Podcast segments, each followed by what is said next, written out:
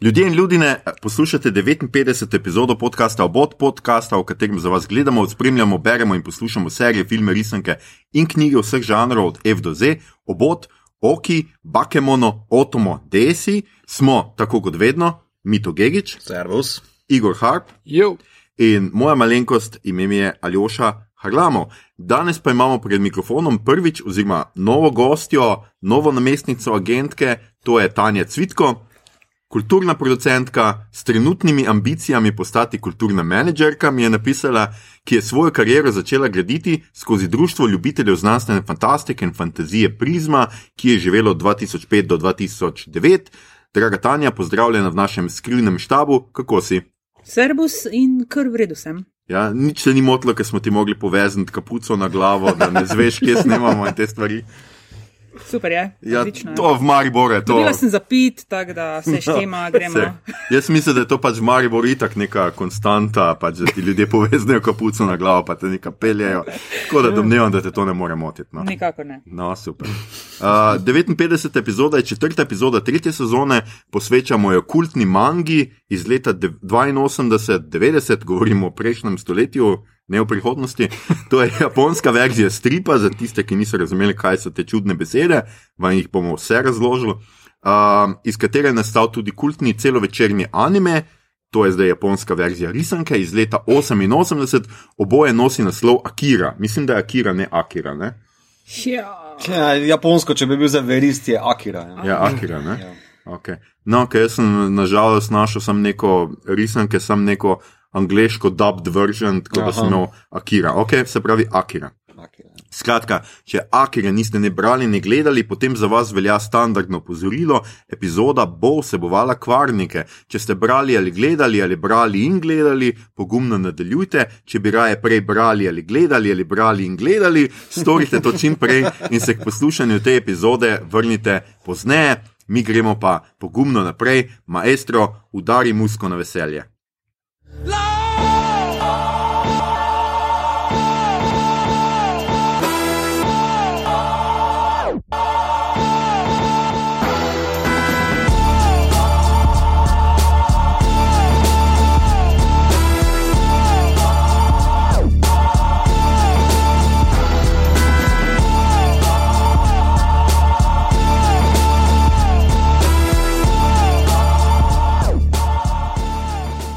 Skratka, um, mi smo že na 59. epizodi, snemamo kot zmešani, danes imamo s, uh, v, studiu, ne vem, če je to studio, no, skratka, Je. v našem štabu Tanjo Cvitko. Uh, zakaj imamo Tanjo pri Akiri, ve Igor? Ali ne vem, zakaj smo. Najbolj če pove Tanja. Ja, Ne vem. Ampak ti si jo predlagal kot Ne, za Mito Kiro, tako da jo Mito, ti si. Ja. Se pravi, veš nekaj o Tanji, povej nam Daj. to stvar. Jaz, ko sem brskal za Akiro, kdo bi bil lahko naš gost, vem, da si bila povabljena za simpozij Cyberpunka v Jesenicah, tak, tak, takrat sem te že imel zacahnano zraven Twitter aktivnosti, seveda. Uh, pa potem sem našel nek Cajtnik, pa ne vem kaj, mm -hmm. za kjer Cajtnik je bil, kjer si imela esej o tem. Uh, sem imela. uh, v bistvu moram zdaj takoj na začetku izraziti veliko hvaležnost, da ste me izbrskali, uh, da so ostale še sledi, uh, spletne sledi o mojih aktivnostih uh, 15 let nazaj na tem področju. Namreč uh, mi smo s kolegi nekje leta 2005-2005 uh, sezona smo ustanovili Društvo ljubiteljev znanstvene fantastike in fantazije Prizma ki je bilo prvo to vrstno društvo po 20 letih um, v Sloveniji. In je ena izmed naših prvih, uh, eden izmed naših prvih dogodkov je bil ravno tematsko usmerjen na cyberpunk. Ali sem jaz takrat imela Akiro ali ne, se ne spomnim ravno, vem pa, da sem obravnavala um, cyberpunk številko mesečnika Sirius, ki je bil v Jugoslaviji um, mm. mesečnik za eh, znanstveno fantastiko. Uh, po razpadu Jugosta Jugoslavije je potem uh, na Hrvaškem nadaljeval mesečnik Futura. Uh, čisto mimo grede, vi ste pač tukaj, poslušalci nimajo te priložnosti. Uh, imam en tatu na telesu, Oho. Tanja se zdaj slači. Um, Skratka, pristopili smo v PG, vsaj 15-16. No? um, tale moj tatu, to je vesolček. Mhm. ki mu je ime Bočko, oziroma Buljo oko čudovište, Bug Eyed Monster, uh -huh. uh, ki ga je zasnoval leta 1976 Krsto Amažuranič. In uh, tale lik je nastopal v mesečniku Sirius pod prsti uh, Darka Macana. Darko Macan, uh -huh. če bo poslušal, oziroma ga bom usmerila uh, k poslušanju, bo zelo vesel. Uh, Darko Macan, torej hrvaški ilustrator, stripar, založnik, vse živo. In Darko Macan je razglasil deset let nazaj, da on več tega bočka in njegovi dogodivščin ne bo risal, uh -huh. da je konec, da je fertik s tem v, v svoji karieri. Jaz pa sem se odločila uh, tri leta nazaj, da bočko lives in sem si ga dala tetovirati in uh, to bo ostal uh, moj večni tatu. Ampak da se vrnem nazaj. Mogoče vam bo še žal, da ste me povabili v podcast. okay. Ker me znajo linije odpeljati v. To ne bo zanimivo. Je? Ja. Me veseli, hvala, Igor.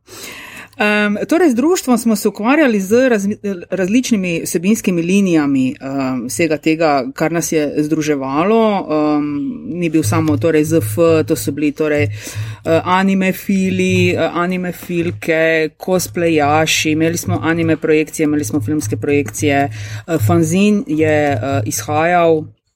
Uh, prvo številko, oziroma ničto, z ničto številko smo začeli, ad infinitum smo ji dali ime, potem smo se demokratsko odločili, da to nekako vsem nam ni všeč, pa se je preimenovala v neskončnost. To je bil torej po dolgem času en uh, fanzin, v katerem so urili svoje prste, bodoči potem strokovnjaki oziroma ljudje, ki jih je odpeljalo v, v različne smeri. Tako da uh, To društvo je dejansko tudi za nekatere moje eh, kolege, pa tudi z mnogimi sem izgubila stik, je bila neka platforma, neka ljubiteljska, da so se kalili in uh, razvijali dalje uh, svoj interes. Imeli smo gamerje, DD, uh, različna področja smo pokrivali. Uh, Cyberpunk, torej Akira. Uh, kot tak pa je najbrž bil uh, na tapeti kakšnih anime projekcij, ki smo jih vrteli v ilegali, potem smo imeli težave, zato ker so nas eni malo prijavili, da to pa ni ok, ker ne spoštujemo avtorskih pravic. Malo so vas prijavili. Uh, malo, ne, potem smo imeli težave v tistem prostoru, kjer smo jih predvarjali, da to moramo vse underground, uh, malo tak, ne, da to se ne sme tak na veliki zvon oglaševati z fotokopiranimi plakati, ki so bili polepljeni po Mariboru, da tega ne smemo početi. Um, potem se, ko se, ko se društvo, uh, ko je društvo šlo v tri krasne, kot ponavadi z društvi je, sem obrobno malo spremljala, kaj se z določenimi interesnimi skupinami dogaja. In sem bila strašno vesela, da so recimo anime ljubitelji nadaljevali potem projekcije druženja skozi kino Udarnik, skozi svoje društvo. DND je nadaljeval, ustanovilo se je društvo Zlati Goblin, ki so potem se mhm. specializirali v neke druge smeri in tako naprej. Tako da nekaj smo povzročili, nekaj smo zgenerirali. Eh, da se je zadeva začela razvijati naprej. In tudi dobivam ne, vsake toliko nekaj spodbude, jo Tanja, da je spet naredi društvo, se, se še beremo z F, pa sem pa tja. Uh, meni se s tem iskreno več ne da ukvarjati. Uh, jaz sem to svoje dala skozi, kar je bilo, je bilo. To so bili tudi moji začetki, neke organizacije dogodkov, združevanja ljudi z različnimi interesi. Naučila sem se tudi. Uh, kako bi človek rekel, kadrovskega menedžmenta, če zdaj uporabljam neke fancy uh, besede, kako upravljati interese uh, različnih ljudi, da se nihče ne počuti izključeno, da uh -huh. se ne upošteva koga uh -huh. in mhm. tako naprej. Um, dobro, prepuščam dalje. Uh, no, zakaj je Akira Cyberpunk, da ima potem ti to zastaviti? Pa, zakaj je Akira Cyberpunk?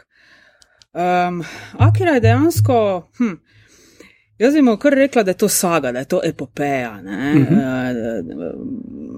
Mi smo recimo skozi društvo, in jaz, ko sem se pač tem ukvarjala 15 let nazaj, nočem zdaj uh, se nikakor imenovati za neko strokovnjakinjo za cyberpunk, ker nisem. To je bil en moj interes, uh, ljubiteljski, ena izmed mnogih smeri. Um, Akero bi jaz mogoče postavila celo box space operi, mislim, v smislu žanra. Uh mhm. -huh. V smislu žanra epopeje, sage. Eh, vsebine, ki jo, ki jo zaobjema. To je eno megalomansko delo, uh, ki je uh, uspelo zajeti v svojih, uh, svojem volumnu, uh, volumnih. um, japonsko nacionalno identiteto Mhm. ne, in, jo, in jo predati bralcem skozi ta format mange. Uh, torej, najbolj eh, razširjene oblike zabave, ki jo imajo na japonskem.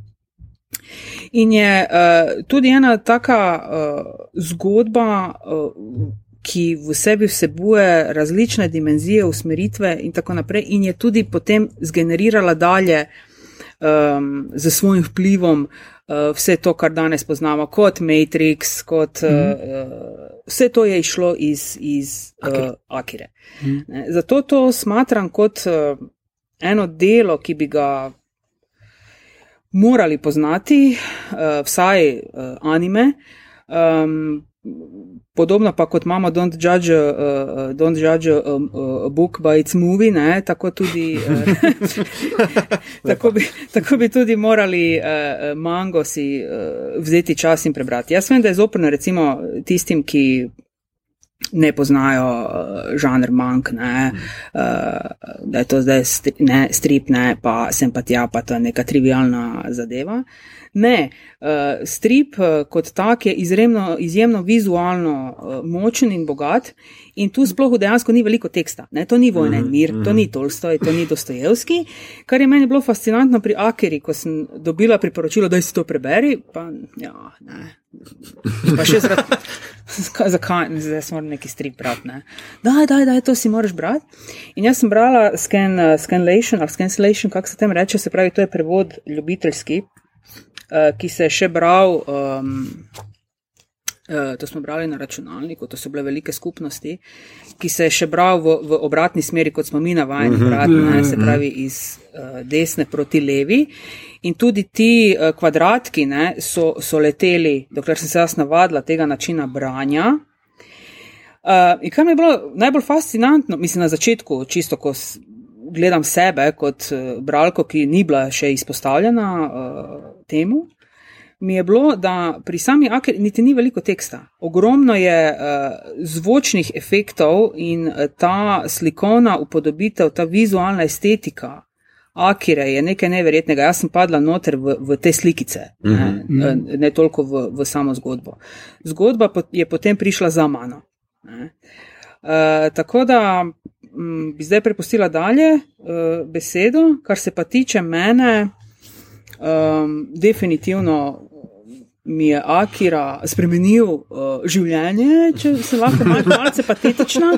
Zakaj mi je spremenil življenje? Zato, ker mi je odprl neke nove. Uh, Nove dimenzije, nova, nove spektre in določene popkulturne elemente zdaj gledam z očali Akire, ki jih ima. Mm -hmm.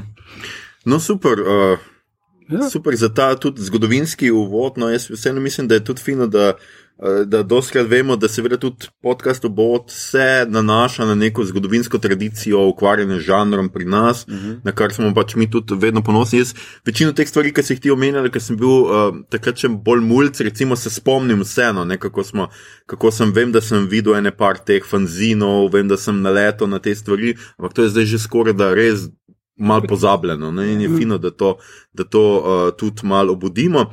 Jaz sem hotel za začetek, mogoče stanje super že povedal ene stvari za tiste, ki mogoče vseeno, kaj pa jaz vem, ste živeli pod kamni zadnjih ne vem koliko let, pa pač niste nikoli slišali, kaj so to manga. Ja, Skratka, ja, manga je seveda samo, mislim samo, je uh, najprej bila seveda beseda, ki pomeni strip ali pa uh, uh, riso roman, kot se zdaj temu pri nas reče, ne, pač japonska beseda za strip ali pa res roman, ki pa smo jo mi na zahodu prevzeli ne samo kot poimenovanje za strip ali pa roman, ampak za strip in res roman, ki zdaj izhaja iz japonske. Ima neko svojo estetiko, jaz mislim, da tle ne morem. Pač, da se ne bomo, mogoče bomo tem več kaj povedali, ko bomo o sami Akiri govorili, ampak seveda ima svojo estetiko. Slišali smo tudi, da se že bere z druge strani. Zdaj, vi, če kupujete recimo iz Amerike, dosti teh pač prevodov iz angleščine, so večinoma že preslikani. To pomeni, da se jih bere, mislim, po naše, po zahodnjaško, z leve proti desni. Uh, ampak jaz, recimo, ne maram tega, jaz ponovadi iščem tiste, ki prevajajo, um, skratka, mange, tako da jih pustijo v originalu. In zato, ker je tudi dosti prilagoditev. Zdaj, danes sicer japonski mojstri, seveda, že to upoštevajo malo in ni več tako, ampak ene stvari se pa vseeno malo zgubijo, malo grejo, pač drugačen vrstni red je, ne grejo tako dobro skupaj. Mm. In vem, da so ene stvari tudi dorisali, recimo za zahodno občinstvo, a pa malo spremenili, zato da bi ujeli to našo. Meni se pa to zdi to kleno, da če ne moreš iti mal z desne proti levi, pa od zadaj brat, ja, ljubi Bog, no pa, pa mm. tudi se ne rabi za to zanimati tok. No? Skratka, in to je manga, in seveda anime je pa podobna fora, sem da govorimo seveda o animiranem filmu oziroma animirani seriji. Uh, in je pač to beseda spet, ki zdaj ponazarja japonsko verzijo animirane serije ali pa, yeah. Ja. ali pa filma. Uh, sama Akira je sicer izhajala v Young Magazine, to je bila revina, revija za Seinen. Uh, mange, seinen je, uh, skratka, pomeni, mislim, da mlade, mladino, ampak večinoma so seinen manga, govorimo, seveda, ker obstajajo žanri mange, če tega niste vedeli, absolutno ne. Je uh, young adult manga za fante, skratka, namenjena fantom. Jaz, recimo, uh, najbolj, ker sem bil v live presenečen, pa sem mislil, da malo poznam to sceno. Je bilo, ko sem bil pred štirimi leti prvič v Leipzigu na knjižnem sejmu in tam imajo, mislim, da ene šest hal, ima ta knjižni sejem in ena od njih je namenjena uh, bolj ali manj samo fantaziju in večinoma mangam. In še leta takrat sem jaz videl, kako velika scena je recimo v Nemčiji. In mhm. kako je to pač neprimerljivo s tem, kar je pri nas. Uh mhm. -huh. Ker so bile dolge, dolge vrste, po 100-200 mladih, uh, ki so čakali na podpis nekega manga Keja, skratka, to je risar stripa uh, japonskega, za katere manga jaz v življenju nisem slišal. In so bile pač dosti bilo teh nekih um, teh žanrov, ki so namenjeni uh, srednje šolcem ali pa najstnikom. No, skratka, dogajajo teh romanc uh, šolskih, pa tako. Dosti je bilo tega, recimo, in mene je takrat to čist presenetilo, no, koliko je to popularno. Ampak ta popularnost, če se vrnemo zdaj nazaj, uh, kakiri, je ena od, eden, ena od uh, skratka, teh prvih risank ali pa mank uh, animejev, ki je na zahod prinesla to japonsko kulturo, je pa ravno Akira. Mm -hmm. In tukaj mogoče uh, lahko spet se vrnemo k temu. Izhaja skratka manga od 82 do 90. Uh, na to pa je bila od 84 do 91, pa je izhajala v šestih tankobonih pri založbi uh, Kodanša.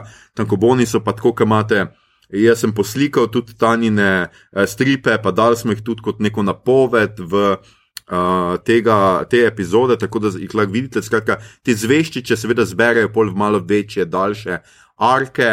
Eh, v daljše zgodbe in jih potem izdajo posebej. Vse to isto delajo američani s mm. svojimi supermeni, Batmani in tako naprej. Ne? Ker mi v Evropi smo vendarle bolj navajeni, malo bolj stripovskih albumov ali pa malo daljših stripov. Jaz, kot občudovalec Bonelija, zbiralec Bonelija, vem, da oni imajo recimo um, 96 strani, je njihov strip vedno, ne? oziroma razen teksta, ki je 112 uh, strani, tle so pač full tanjši.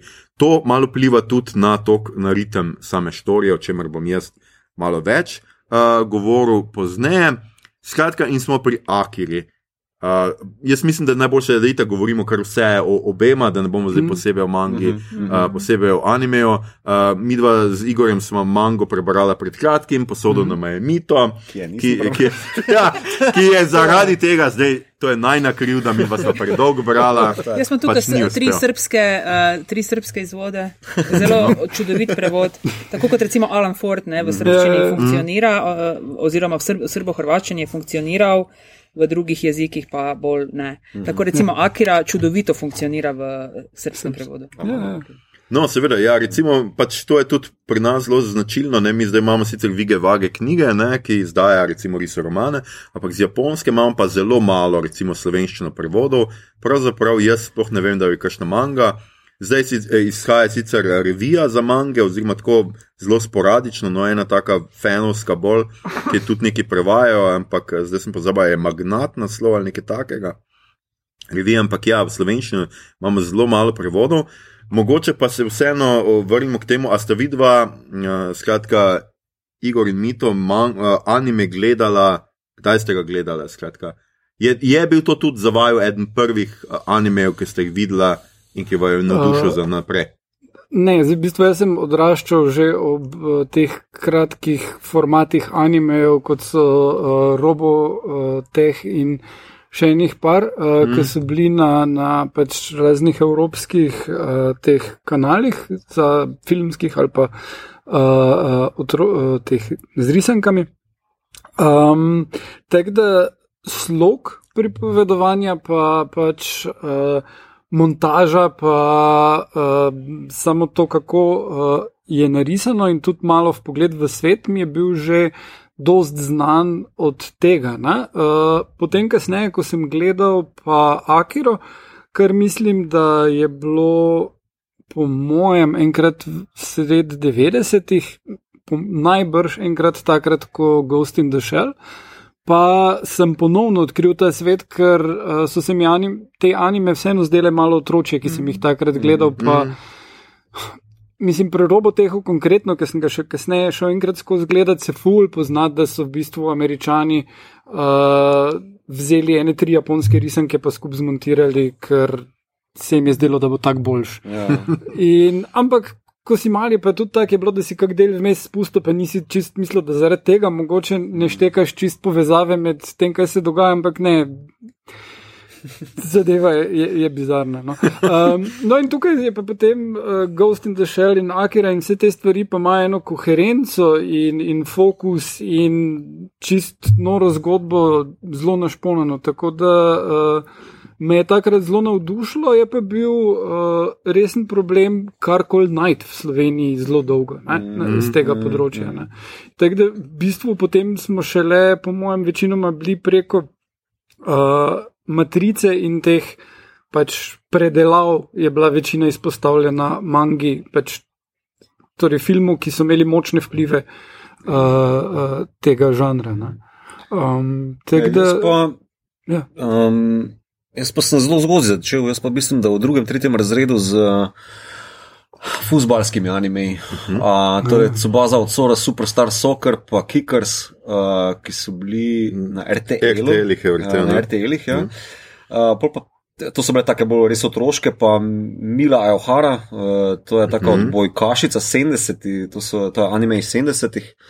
Um, Blizanec na en gif videl, ki trener focka, njo, ki ne, rata, smo tako, ta kar hardcore za, Ja, kaj ga. za, današnje razmere. No, uh, no uh, ta prve resnejše teme, pa mislim, da preko Konkište naptujo pa RTL 2 večerni program, uh, torej nemški kanal, se ne vem, če še obstaja. Ja, še, Uh, še pa mislim, da prvi, ki mi je v spominu ostal, so Records of Lodos War, je pa taki high fantasy uh, anime. Uh, Akira pa potem v srednji šoli, drugi ali tretji letnik, tu nekje. Mislim pa, da tudi zelo sporedno z uh, Ghost Ghost in the Shellom. Ja. Ja. Uh, takrat sem imel kar orang fazo um, Mamoru Oshija, no? um, mm Mhm. -hmm. ker sem celotno njegovo filmografijo požrl od Angel Seg leta 85 naprej, Mhm. uh, ki je štartal zelo z takimi hardcore filozofskimi zadevami do, mislim, da Avalon uh, je na zadnje. Uh, Zadnji film, ki sem ga gledal od njega 2001, ki je pa na pol uh, live action, sneman na polskem, pa ja, ja. anime. Um,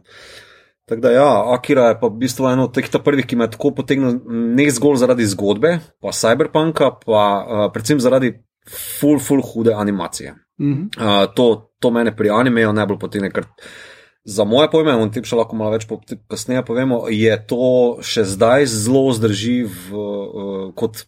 Uh, Vrhunec um, 2D, uh, cell animation, um, lovorike, no, še malo Mhm. kar. Um, da, ja, to. Ja, mislim, no. ta tehnika je potem kasneje se nehala uporabljati, bolj ali manj, ne? ker je zdaj Ja. vse digitalno. Tako da mislim, tudi dvomim, da bi kdo šel še dan danes te tehnike uporabljati, ker je toliko pač dela več treba. Ne?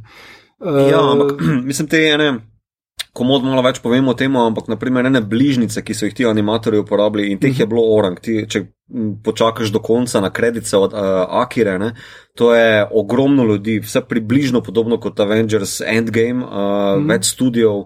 Uh, več animacijskih studijev, uh, ne vem koliko keyframe artistov, pa interframe artistov, ki so uh, uh, naredili res, res uh, takočo animacijo, ki je zelo, zelo primerljiva z, vsaj z uh, Snegulčice in Palčko, ki, ima, ta- ki je zna, uh, znana po tem svoj mm. uh, takočem gibanju. pa naprej, ne. In mene, naprimer, če primerjaš z ostalimi, re- te, ki sem jih prej naštel, naprimer, je to tako tekoče, tako, toliko detajlov, pa vsakeč znova, ko jo pogledam, ne, uh, je vedno nekaj novega tam, ki me počaka. Mm. Vedno en detajl, ki so ga vključili za tisto mikrosekundo noter, mm. uh, ki je večina ljudi ne bo opazila, ampak je tam za guštno. Mm. Uh, in je res. No, super, je pa to pač.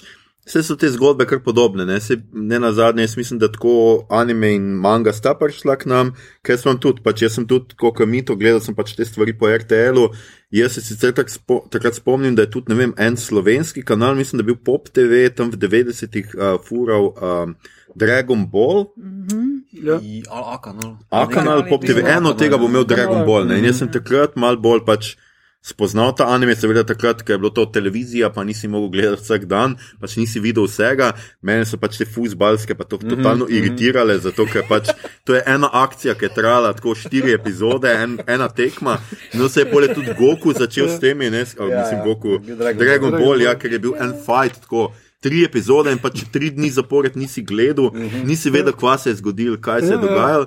Tako da je bilo dosti tega, pol pa seveda z vznikom interneta, ko smo lahko pač piratizirali, ker drugače, sorry, nismo mogli priti do teh stvari. Mi smo začeli prihajati. Še zdaj ne moramo. Ja, še zdaj, še zdaj je zelo težko. Uh, če bi hotel Akiro pogledati, ni v nobeni tej pretočni videoteki mm. mogoč na Google Playu, uh, da se da dobiti, ampak na Apple sem gledal, pa, pa je nisem našel. No, ampak recimo zdaj vsaj ima, recimo Netflix ima ves studio Ghibli, recimo. Ne? Ja, ja, ja. Uh, imaš neke stvari, tudi jaz sem zdaj gledal pred kratkim, sem se prvič spomnil, da na Netflixu imaš še pogledam, uh, koliko ima anime in ima recimo neke teh serij tudi v redu, sej jaz si bom pol eno od njih omenil, ker sem jo uh, začel gledati. Ampak ja, tako in pa smo začeli s temi serijami pač downloadati in to gledati. In jaz sem pač takrat vso to klasiko anime serij pogledal, pa tudi teh filmov in recimo Akiro sem gledal, mislim, da skoraj da istočasno z Ghost in a Shell mm -hmm. in sem takrat pač to. Kultne te zadeve uh, uh, si pogledal, zdaj pa je pač to itak vmes eskaliralo, uh, Uh, tudi mange, se pač v konzorciju sem se začel kupovati tudi mange, imam nekaj tega uh, tudi doma, uh, nekaj še tako zbiram, v resnici jaz mislim, da še nisem niti ene kompletiral, imam vse nekako na pol, ker sem hkrati začel bezrk, pa uh, Full Metal Alchemist, ki je meni ena mojih najljubših, pa še eni dve ali tri kupovati in pol nikoli nisem. Um, uh, tako, zdaj, ko imam, zdaj, ne dolgo tega sem se spomnil, da itak, zdaj, ko imam Amazon, zakaj ne naročam tam. Uh, tako da zdaj bom to mal kompletiral, ampak ja, veliko je, veliko je tega in Akira, pač tako, kot smo že začeli, je bil pač ta anime, ki je veliko vplival na zahod. Kar se meni zdelo zanimivo, pa je to, če mogoče zdaj gremo počasi v zgodbo, uh -huh. sploh yeah. akere, nekaj do zdaj še nismo. Če smo, že, če smo že obljubili spoilerje. spoilerje ja. Skratka, Igor, ti si ponovadi tisti, ki nam. Um, Daš spoilerje. Tako, ja, ja ki začne spoilerje. Odgovorni krivec. Ja, okay, torej, najprej bom film, potem pa bom povedal, kaj je še dodatnega v. Mogoče tako najlažje. Ja. Mangi, ne? uh, torej, film se dogaja v Neotokiju. Prva scena je eksplozija ogromna, ki pač spominja na atomsko bombo, kar je zelo pogost, uh, uh, pogosta vizualija v animah, sploh tistega obdobja. Uh, in potem pač na ruševinah tiste eksplozije zraste nov, novi Tokio, ne Tokio. Ker uh, vidimo, da je neka urejena družba, ampak uh, spoznamo ga skozi te biker genge, ki uh, so pač vandali in uh, uh, wanna be gangsteri. No. Motoristične uh, tolpe. Ja, ja, ja. No, to, motoristi. Uh, no, in uh, te glavni junaki na eni točki srečajo enega fanta, ki je zgleda kot starček, in tale je, se potem izkaže del ene vladnih poskusov, ki jih delajo, ki so jih začeli delati na otrocih, ki so razvili mentalne, paranormalne moči. In eden iz tega genga jih tudi ima, Tetsuo. In zato ga zgrabijo in, in uh, začne delati poskuse na njem vojska. Uh, potem je še cela ena zgodba z enimi revolucionarji, pa z enim kultom zraven, pa tako dalje. Uh, v glavnem pa se ta glavni junak, uh, ki mu je ime. Kanada. Kanada? Hvala. In uh, punce, ki imajo všeč kaj, uh, se lovijo naokrog z vojsko in probajo rešiti tega prijatelja oziroma ga ustaviti, zato ker njegove moči postajajo neuzdržne in to, ki ogrozi še eno uničenje. Um, zaključek uh, zgodbe je potem pač, da jim nekako rata oziroma uh, Tetsuo in Akira, naslovni Akira, ki je en v, v nek silo zaprt uh, fant, ki je povzročil tisto prvo eksplozijo, potem ona dva ustvarita novo vesolje in uh, uh, nekako popravita tukaj svet. V mangi je še ful več zgodbe vmes, med drugim so, če se ne motim, tri uh, to vrstne eksplozije, ki vsaka malo uniči zraven Tokija in vsaka ustvari nov Big Bang in novo vesolje nekje. Um, Akira uh, dejansko in Tetsuo vladata Tokiju uh, oziroma ustanovita Empire of Japan. Uh, in zdravite ljudi, imajo en kup ljudi z paranormalnimi močmi, uh, potem pač so tele, se bojujejo skupine med sabo, vojaški sateliti dol padejo, v glavnem milijon stvari se zgodi.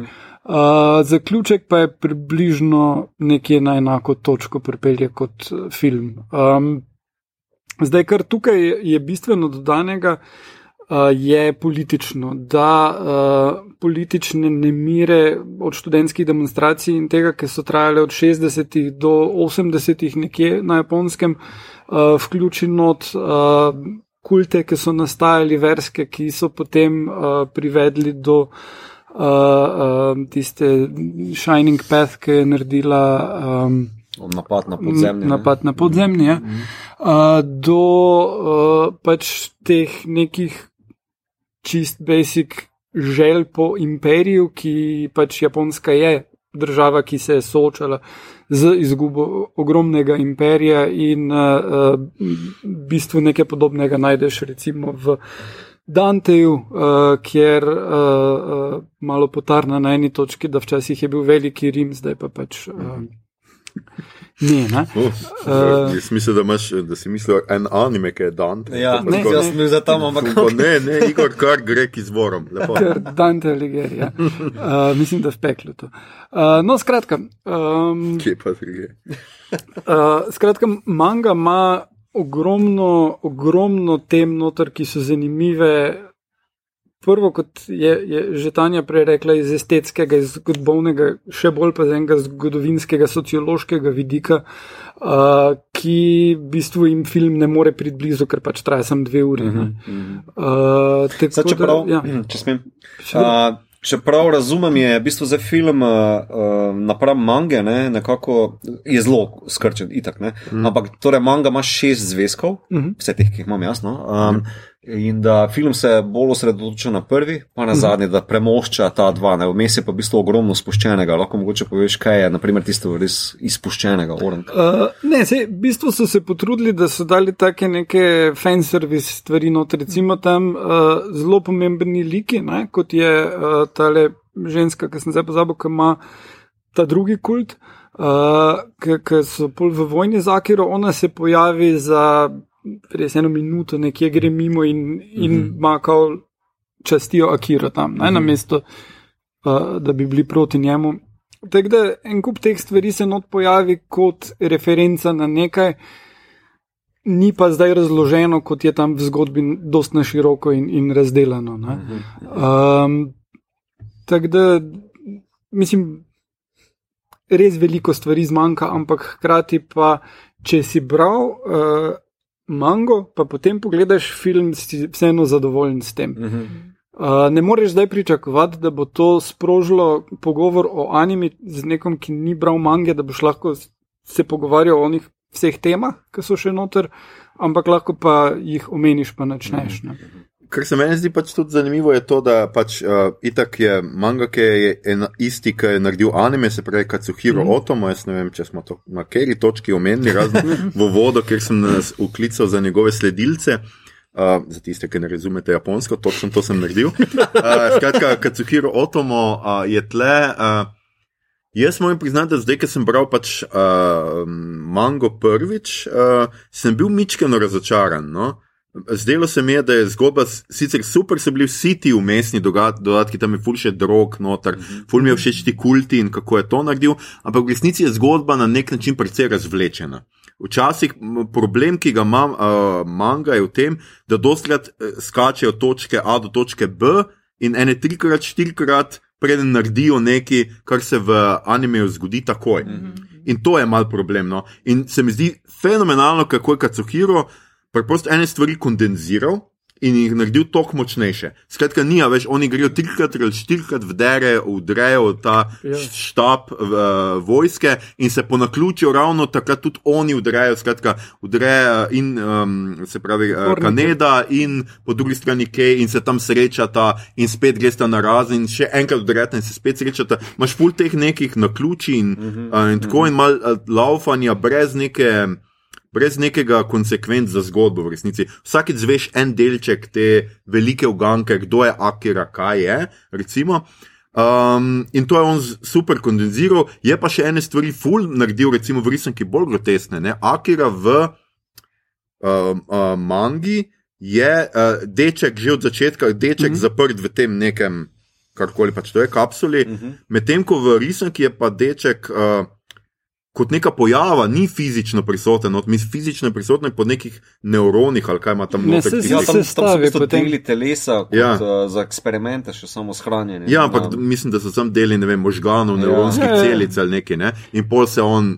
Ja, se stavi. Ne, ampak uh, to mi je zelo dobra referenca, bila še boljša, ker je v bistvu uh, na Egipt, ne, on je zaprt v piramidi mm -hmm, in tako so bili mm -hmm. oni razstavljeni, vsi organi, tako je tu on. Ne.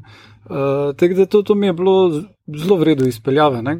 Ampak mislim, da stvar je v tem, da on je začel delati film potem, ko je prvo knjigo že napisal, uh mhm. -huh. tisti del, da si že pokaže Akira in pol je že deček in pol ne moreš iti nazaj. da, Meni je recimo zelo všeč, jaz bom zdaj tu šla spet v neke druge sfere. Tikor. Um, kako dejansko ta epopeja, ne, ta saga, um, nese v sebi um, japonsko nacionalno identiteto, se pravi, mm -hmm. zgodovinski spomin, ki se vleče skozi kri Japoncev in skozi celo njihovo uh, zgodovino. In ni Akira edini tak primer, ne, kar mi je. Kar, uh, um, moj, recimo, moja prva izkušnja z anime, ker sem imela srečo in sem bila v družbi uh, anime geekov v, v Mariboru in so mi naredili selekcijo, so vedeli, kam mi bo všeč. Moja prva izkušnja je bila uh, serija Neon Genesis Evangelion. Aha, okay ki me je šokirala totalno. Dejansko so se potem uh, frendi mi smejali, da zdaj pa imam uh, šok uh, po ogledu. Yeah. Ja. Pa še to sem ogledala si v dveh ali treh dneh, tako da sem dejansko potem prihajala k sebi in predihavala to celotno uh, izkušnjo uh, te serije. In če lahko povlečem tu neke vzporednice, ne? Se pravi, preslikava, eh, kanaliziranje eh, eh, tega, kar Japonci nosijo v svoji, v svoji krvi, v svoji dediščini in tako naprej, skozi en popkulturni element, se pravi skozi format mank in animejev, ki so množično konzumirani in nekako tudi, glede na to, kolikšna je popularnost teh zadev, da oni dejansko tudi doživljajo katarzo kot narod, ne, mm -hmm. skozi, mm -hmm. skozi ustvarjanje uh, uh, uh, animejev in mank in skozi samo konzumiranje. Ne. Se pravi, da imajo potrebo prečistiti sebe in, in dati skozi in predelati določene stvari, ki jih, ki jih nesejo zapisano v zgodovinski spomin.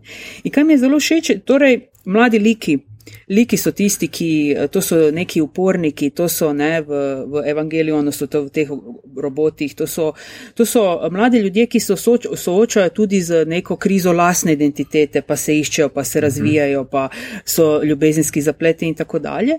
Se pravi, da Japonci nekako prepoznavajo uh, uh, mlade generacije kot nosilce ne vem, prihodnosti in um, neka oblika happy enda. Ne? Se pravi, kljub temu, da se zgodi uh, uničenje, kljub temu, da uh, ne, uh, eksplodira atomska bomba in sem pa tja, vedno je neka, ne, neka luč na koncu tunela. Ne. Se pravi, ti, ki si, ko, ko prebereš mango, ko predelaš v sebi in tako naprej.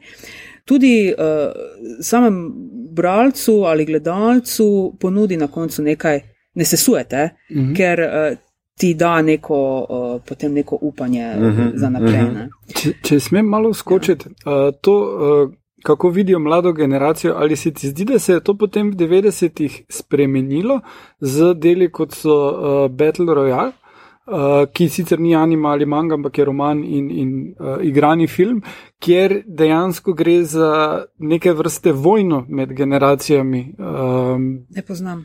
Ja, meni se zdi, da uh, to mi je zelo zanimiva tema. Ne sem s njo hotel v bistvu že prej ja. napeljati na to, ker bi se ta neki postapokaliptični moment, ki ga Japonska mm. fura v svoji popularni kulturni, predvsem mm. za Akira, pa um, Godzilla, oziroma pardon, Godzilla, mm. um, da je to nekako moment do 90-ih. -hmm. pa se mogoče z nekim kulturnim, ekonomskim boomom, ki se jim je zgodil uh, v 80-ih, 90-ih, ko so mm -hmm. postali ekonomska vele sila, se je začela kulturna identiteta malo preizpraševati v japonski ne? in se to potem na Battle Royale, pa Death Note, mm -hmm. uh, malo preizpraševati, kjer se pa v bistvu identiteta japonske, pa mladine začne preizpraševati, ko se začnejo drug proti drugemu, torej kaj je kapital, kako se v bistvu mm -hmm. tole jebe med sabo. Ne? Tudi mm -hmm. ne pozabiti, da.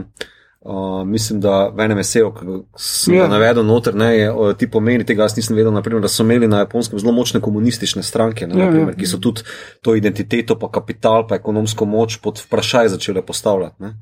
Uh, mm. Po vrhu pa še potem v 90-ih imaš te orang probleme z naravnimi katastrofami, od tsunamijev, potresov. Tsunami je bil kasneje. Ja, uh, bil je potres v Kobeju, pa mm. uh, bil gospodarski zlom, pa napad na podzemni. Mm.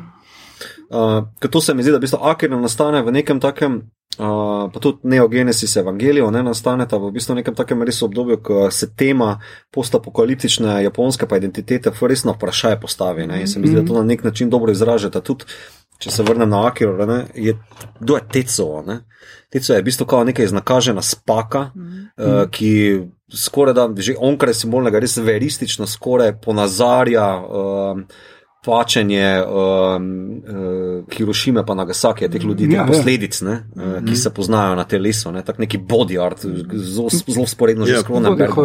Pol, ja, ja, začne si uh, dobiti uh, sposobnosti. Ja. Mm. Definitivno in definitivno je tudi zgodba o tem, ne, to je zgodba o Hirošimi in uh, Nagasaki, ja. to je vendarle zgodba o tem, kako so ti neki otroci odraščajo brez staršev, sirote so, uh, je neka anarhija v njih, se pač upirajo, so uporniki, so, so pač v motoristični tolpi, ampak seveda odraščali so brez staršev iz preprostega razloga, ker jih je pač. Starše uničila, pač zdaj ne atomska bomba v tem primeru, uh mhm. -huh. ampak pač nek uh, sistem. Ja, Event, sistem ja, in pa ja. v tem primeru nek pač dogodek, ki ga niso mm. vedeli razložiti in ki se izkaže, da je pač ta Akira, Akira pač povzročil neko eksplozijo. Ne? Mm. Skratka, in tudi meni se zdi ta uh, zelo zanimiva, je pa pač to. Uh, to sem pa jaz odhotel, pa mislim, da sem že enkrat omenil. Mi je zelo zanimivo, ne, kako je ta tema um, koliko časa v resnici ti po eni strani rabiš, da pridelaš eno te, tako temo. Ne? Skratka, od 45, mislim, bomba je 45, ne? Stav, ja, ja. tam nekje. Skratka, rabiš ti generacije, da seveda, ki odraščajo s tem, ki ponotranijo to in lahko pripovedujejo to zgodbo mm -hmm. na nek način in jo predelajo mm -hmm. tako, da je nam. Tudi vsem ostalim zanimiva, ampak seveda je to bil tudi obdobje največjih največjih napetosti med uh, vzhodom in zahodom, uh mhm. -huh. kjer se je pač rožljalo z uh mhm. -huh. jedrskim orožjem in kjer so se res spraševali ljudje, kaj. Um, Pač kaj se lahko zgodi. Poleg tega, da to je tudi obdobje, ko sta CIA in KGB na drugi strani čisto resno tuhtala, uh, uh, ali obstajajo ljudje, ki imajo telekinetične sposobnosti mm -hmm. ali pa neke pač paranormalne uh, sposobnosti in kako se da to uh, uporabiti kot orožje. Okay. In to se mi zdi pač neverjetno. Ne? Zato imamo mi dost tudi teh, um, pač tudi v anime mangah je dost tudi teh tem, ne? kako so neki super.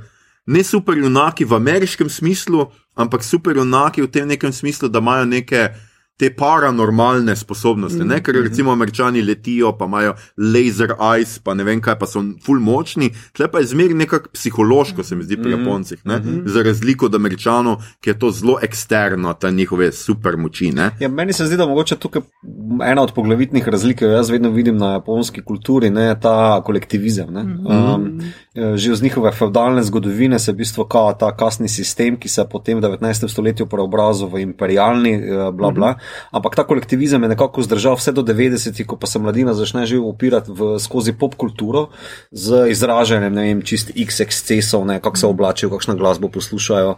Um, Suicide Club, naprimer 2001, ki je taki ekscesni film, ne, naprimer, uh, uh, ko se gre za individualnost. Se mi zdi, da v bistvu kao tukaj, potem Naprimer, pr, prav, neve, zanimivo, ker si omenila Neo Genesis Evangelion, ki je tudi na Netflixu. Ne? Ko sem ga prvič videl, meni je bil tesnoben, mm. ker je uh, takšna eksistencialna esejistika noter zapisana. Neki angst, ja. Čist, pa, pa na koncu zadnja dva dela sta popolnoma zmedena, pa sem jih že petkrat pogledal, pa še mi zdaj ni jasno, ne, kaj ja. se dogaja. Ampak, si slišal, Tanja, da je to happy end. Kaj je? Je, je. uh, mislim, zanimivo se mi zdi ta kontrast, ko veš, ja, američani eksternalizirajo, pa probojajo narediti kao nekih, uh, tudi happy end, ampak zelo drugačen. Mm. Medtem ko uh, ta, rečemo temu, doomsplay, ne, neka uh, te goba, ki vseeno obstane v oblaku nad našimi glavami, pa se mi zdi, da pri obeh teh izdelkih zelo se obdržita tudi mm. po koncu. Ne. Uh, ker mhm. Akira uh, se zaključi tako, torej Teco, Akira, zvizneta, bla bla, uh, medtem ko Kanada, Kej, ostali pa uh, živijo v, na novo porušenem uh, Tokiu. Ja, ja. Tako da tisti, ki so imeli, uh, tisti, kar naenkrat imaš full obalne nepremičnine. Ne, ja, ampak uh, mislim, da, mislim, da to pač je en tale.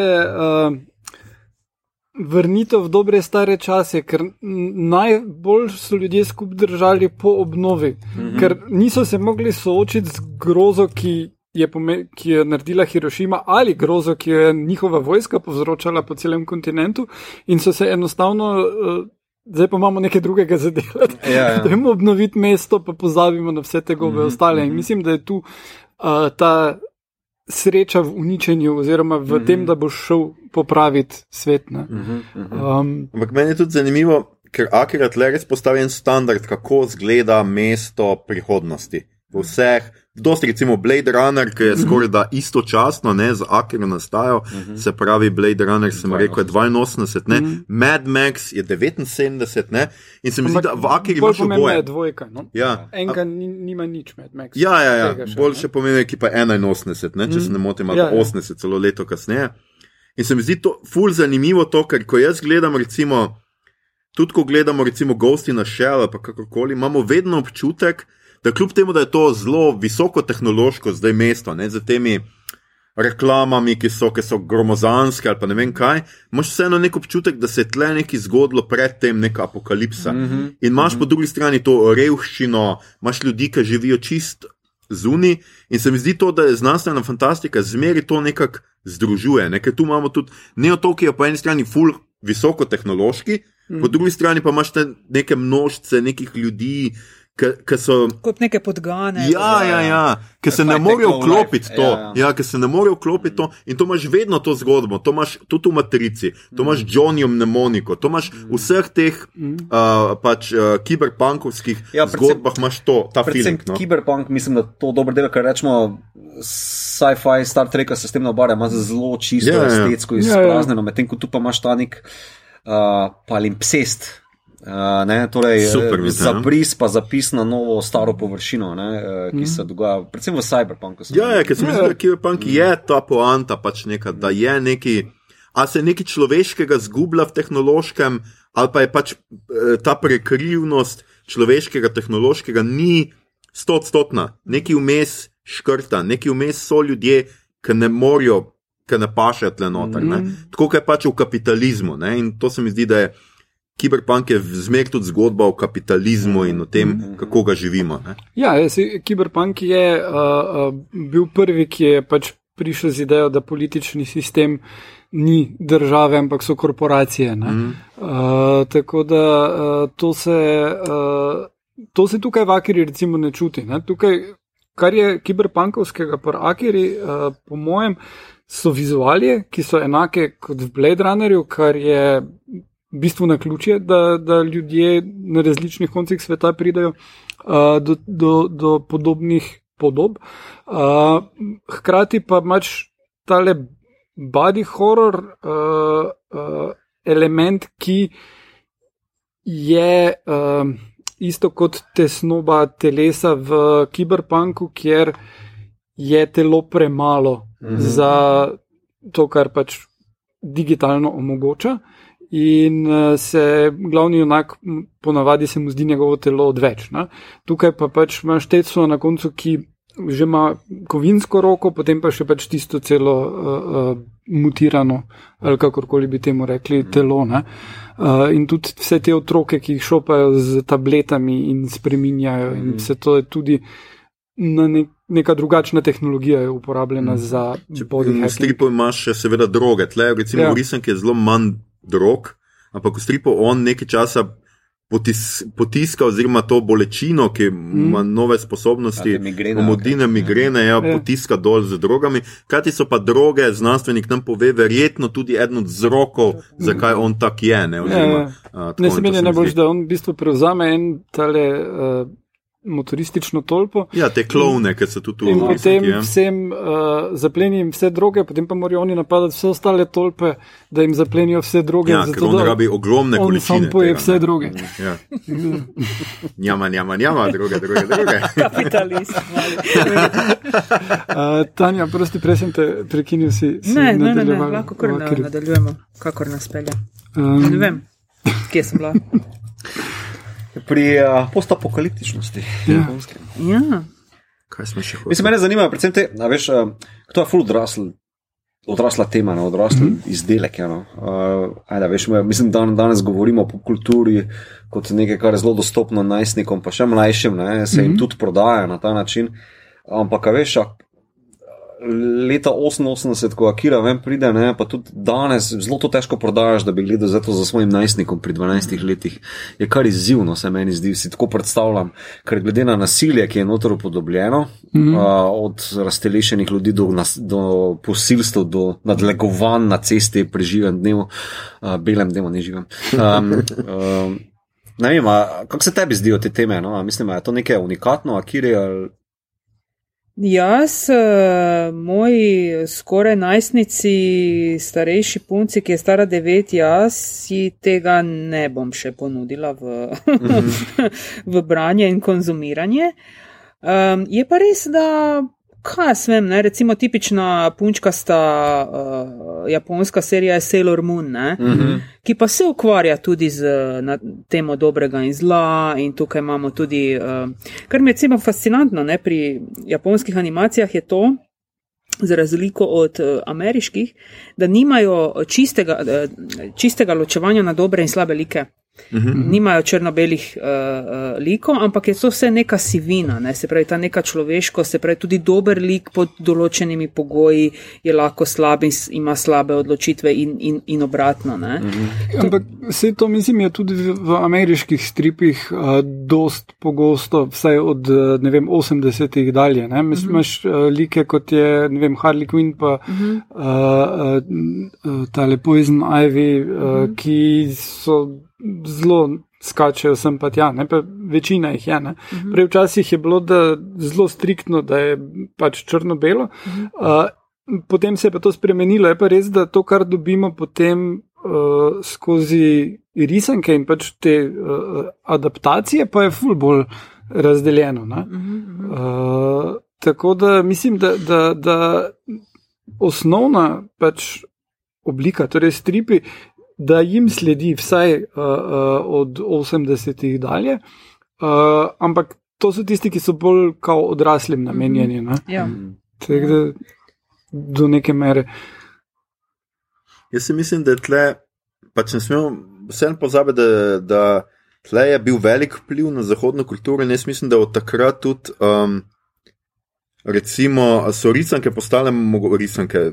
No, že ko rečeš risanka v slovenščini, tako imaš ja. Občalno, ja. Ja, občutek, da je to, mm. govorimo, živ žavo. Mm -hmm. Ampak recimo meni se zdi, da je tako, jaz sem šele z anime pač tako spet začel gledati animirane uh, filme pa serije nazaj, ker v, imaš, v Zahodu imamo veliko tradicijo Simpsonovih in humorističnih. Mm -hmm recimo mm risank, nimaš pa ti ene serije risane ali pa full serije, zdaj neke tradicije, ki bi obravnavale odrasle teme ali pa mm kakorkoli. Ne, malo, sem, je, to. Malo je tega, le, mislim, zadnjič sem slišal eno dobro primerjavo. Če Hayao Miyazaki, Walt Disney, japonski je potem Otomo. Uh, Zakiro, uh, Ralph Bakshi, japonske. Mm. Ker Ralph Bakshi se pa je že v 70-ih, 80-ih, um, omenili smo ga prekonano, mm. um, Uh, in se pa ukvarjal zelo z odraslimi temami, droge, prostitucija v New Yorku in uh, mm -hmm. tako naprej. Ne. Pa imel si par teh pozno večernih uh, sova, uh, animacij, animacij z ja, ameriških heavy studiojev. metal, pa vse Ja. je bilo tega, kar. Nekaj je, sem ja, je pa tako zanimivo, ker tam pa Ja. v Japonskem je pa to cela industrija. Ja. ne.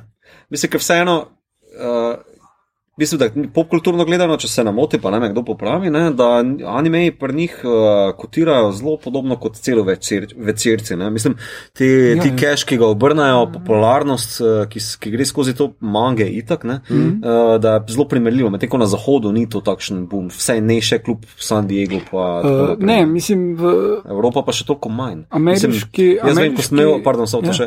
Uh, ko sem skušal domačim razložiti Akira, pa Grave of the Fireflies, naprimer, ne, od Mhm. uh, Išao Takahata, ne, uh, ki je tudi postvojna Ja, drama. tista Uh, kar vojna drama. Ja, vojna drama, pardon. Ja. Um, je težko razložiti, v bistvu, kao, ja, je risano, ne? ampak to so hardcore teme. Ne? Mislim, Ja, ja, ja. mene predvsem Grave of the Fireflies me čist prizadel, ne? čista dio. Ne? Um, in je čisto na nivoju Schindlerja, pa Rajana, naprimer, ne? Mhm. reševanja. Um, samo ja, jaz mislim, da imamo mi to mogoče evropski problem ali pa rečemo post-jugoslovanski problem, ker so pač nam uh, risanke.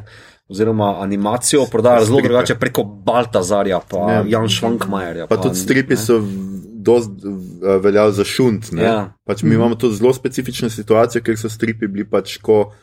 Ker se še tudi jaz se zelo dosti spomnim, da je bilo, češ, da stripe bereš, pa res bereš, pač Ja. ja. šunt in sranje. ne. Ja. Mm. Stripi so za one, ki ne znajo čist vredo brati. Ja. Tako, tako. Ja, tako nekako. Ja. Ja. Čeprav recimo, je pa zanimivo, ne, ker v Evropi, recimo Francija, ima zelo razvito. Ja. Res je odvisno od kulture. Ne? Oni Ja. imajo te ban, be- bande, si ne. Imajo pa zelo razvito f- stripovsko sceno, medtem ko Nemci spet nimajo, so pa Nemci zdaj recimo v Evropi eni glavni konzumenti mank. Mhm. Mm. Uh, recimo, ne? pa, ker, ne na zadnje, tako kot smo se pogovarjali, so imeli na RTL že v 80-ih anime ne? in je spet ta neka tradicija. Ki se je spravi, mogoče pač nam, mogoče z tega vidika malo manjka, manjka ker se to ne prevaja, tako tekoče. Pa, mm. uh, pa tako ne. Je pa zdaj vprašanje, koliko je recimo m, pač s temi pretočniki, ki so vse te stvari bolj dosegljive spet ratale. ne. Uh, Ja, sej, to, bo, to bo zanimivo videti, koliko uh, bodo mladi pač na Netflix, prek Netflixa pa teh eh, virov zdaj odkrili neke anime, ki um, bi se drugače morali kar krepko potruditi, da jih najdejo. Ne? Zdaj pa ti jih priporoča, če pogledaš eno, potem vse. Ne? Uh, tako da, ja, no, pa mislim, da na zadnje tudi na YouTubu je ogromno stvari ilegalno, ponavadi mm, mm. naloženi, mislim, da tudi Akira.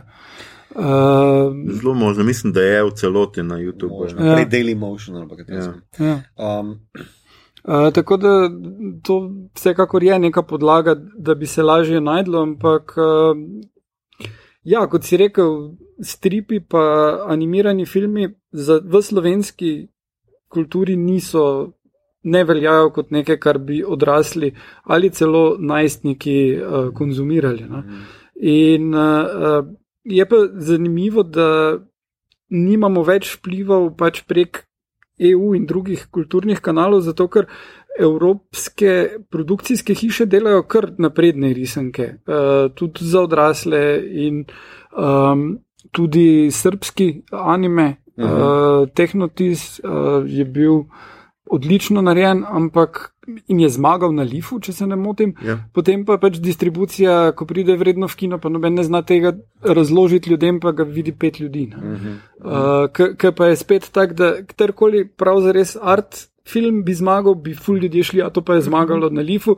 Gremo gledati to vojno dramo, kjer vsi naredijo samomor na koncu, super. Uh, tukaj pa, pa rečeš, tukaj pa je en kiberpunkovski, srpski animirani film, ki čist hude No, koncepte predstavim, se je, to je za Tudi frotke. kino dvorane so že deset let nazaj eh, sukale vse risanke in uh, c- uh, ne cenzurirane, ampak sinhronizirane in v originalu. ne. Ja. Recimo, Dobro, se meni je, vse jaz ne rečem, par sem videl teh, pa super, naši zdaj sinhronizirajo, ampak jaz bi vseeno raje videl v originalu, če razumem jezika, pa tudi če ne japonsko, raje gledam. Mm. Zato pač imam, mi ni bila zdaj všeč ta hakira, ki sem gledal, ker sem imel v angliški, ker nisem našel boljše, ker imam jaz vedno raje origin, izviren zvok, ne izviren mm. jezik. Mm. In to me je mal tle, tle zmotilo. Ne? No, mislim, uh, uh, od celovečernih anim je uh, pa sinhronizirana edina edino uh, čudežno popotovanje. Torej, ja, uh, slovenščina, ja. ta je. Ja. Um, ja, no, pa vsako Disneyovo. Ne, oddanim. Ja, oddanim. Ja. Ja. Disneyve so pa vse. Ja, to je res. Let it go, let it go. Spomnila sem se na, na samuraja Jacka, Aha, ker ja. sem cel čas uh, razmišljala, ne, uh, kaj jaz z mojima deklicama, torej 9 let pa 6 let, uh, kaj jim nudim v konzumacijo. Za samuraja Jacka se spomnim, da sem ga kar hitro ponudila. Uh mhm. -huh.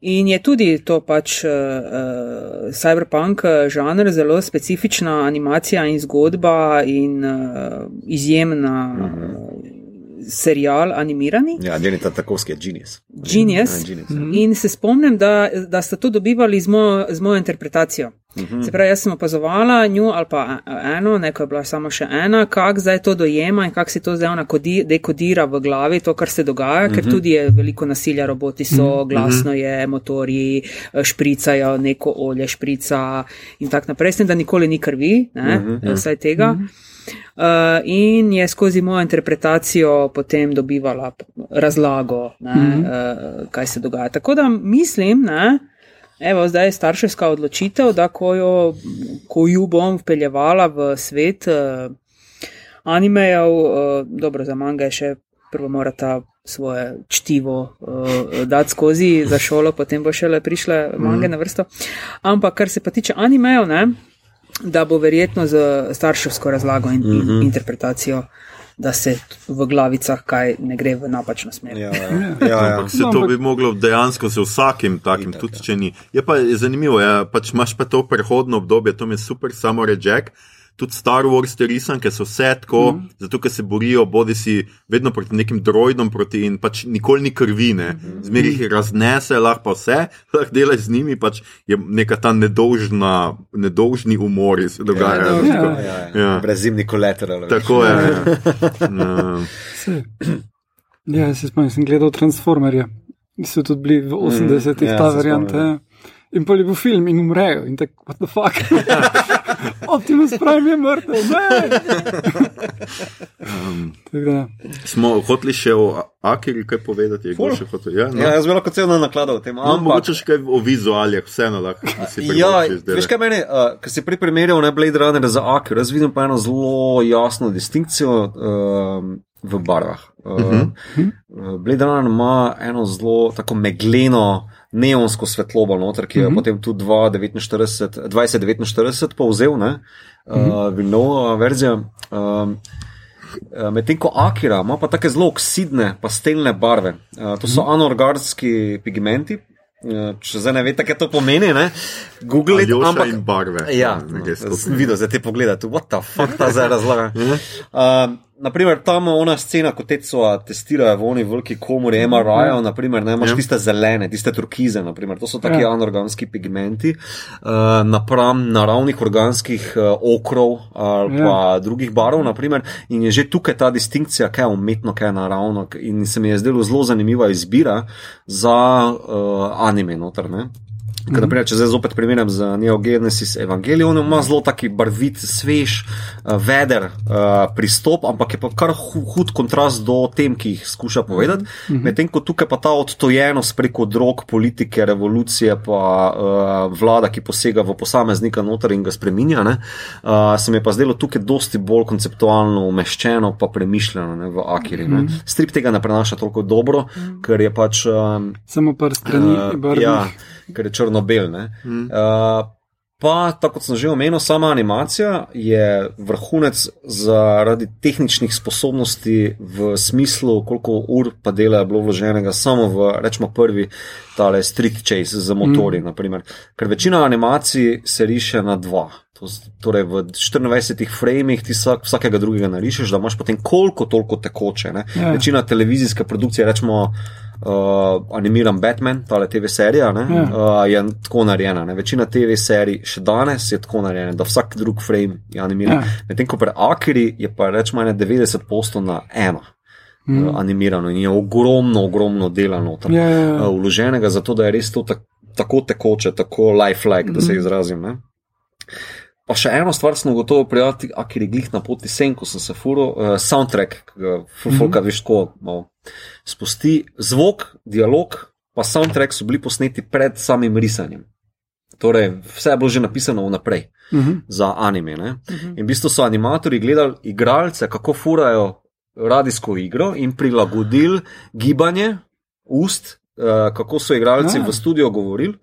Povrhu je pa, mislim, da tale glasbenik, uh, Jašuhiro, nima veze, bom dal noter na, na Y, Ja. uh, se piše, je nek konceptualni umetnik, ki je naredil glasbo s- po večini z eh, človeškimi glasovi, predvsem tam v Bike uh, Chaseu se ful dobro opazi, ne tisti neki, ej, ej, ej, Ja, ja, ja. naprimer glasba na ta način narejena, ampak tip je tako bizarno odpilen, on je delal v uh, frekvencah Shoji Yamashiro. Ja, thank you.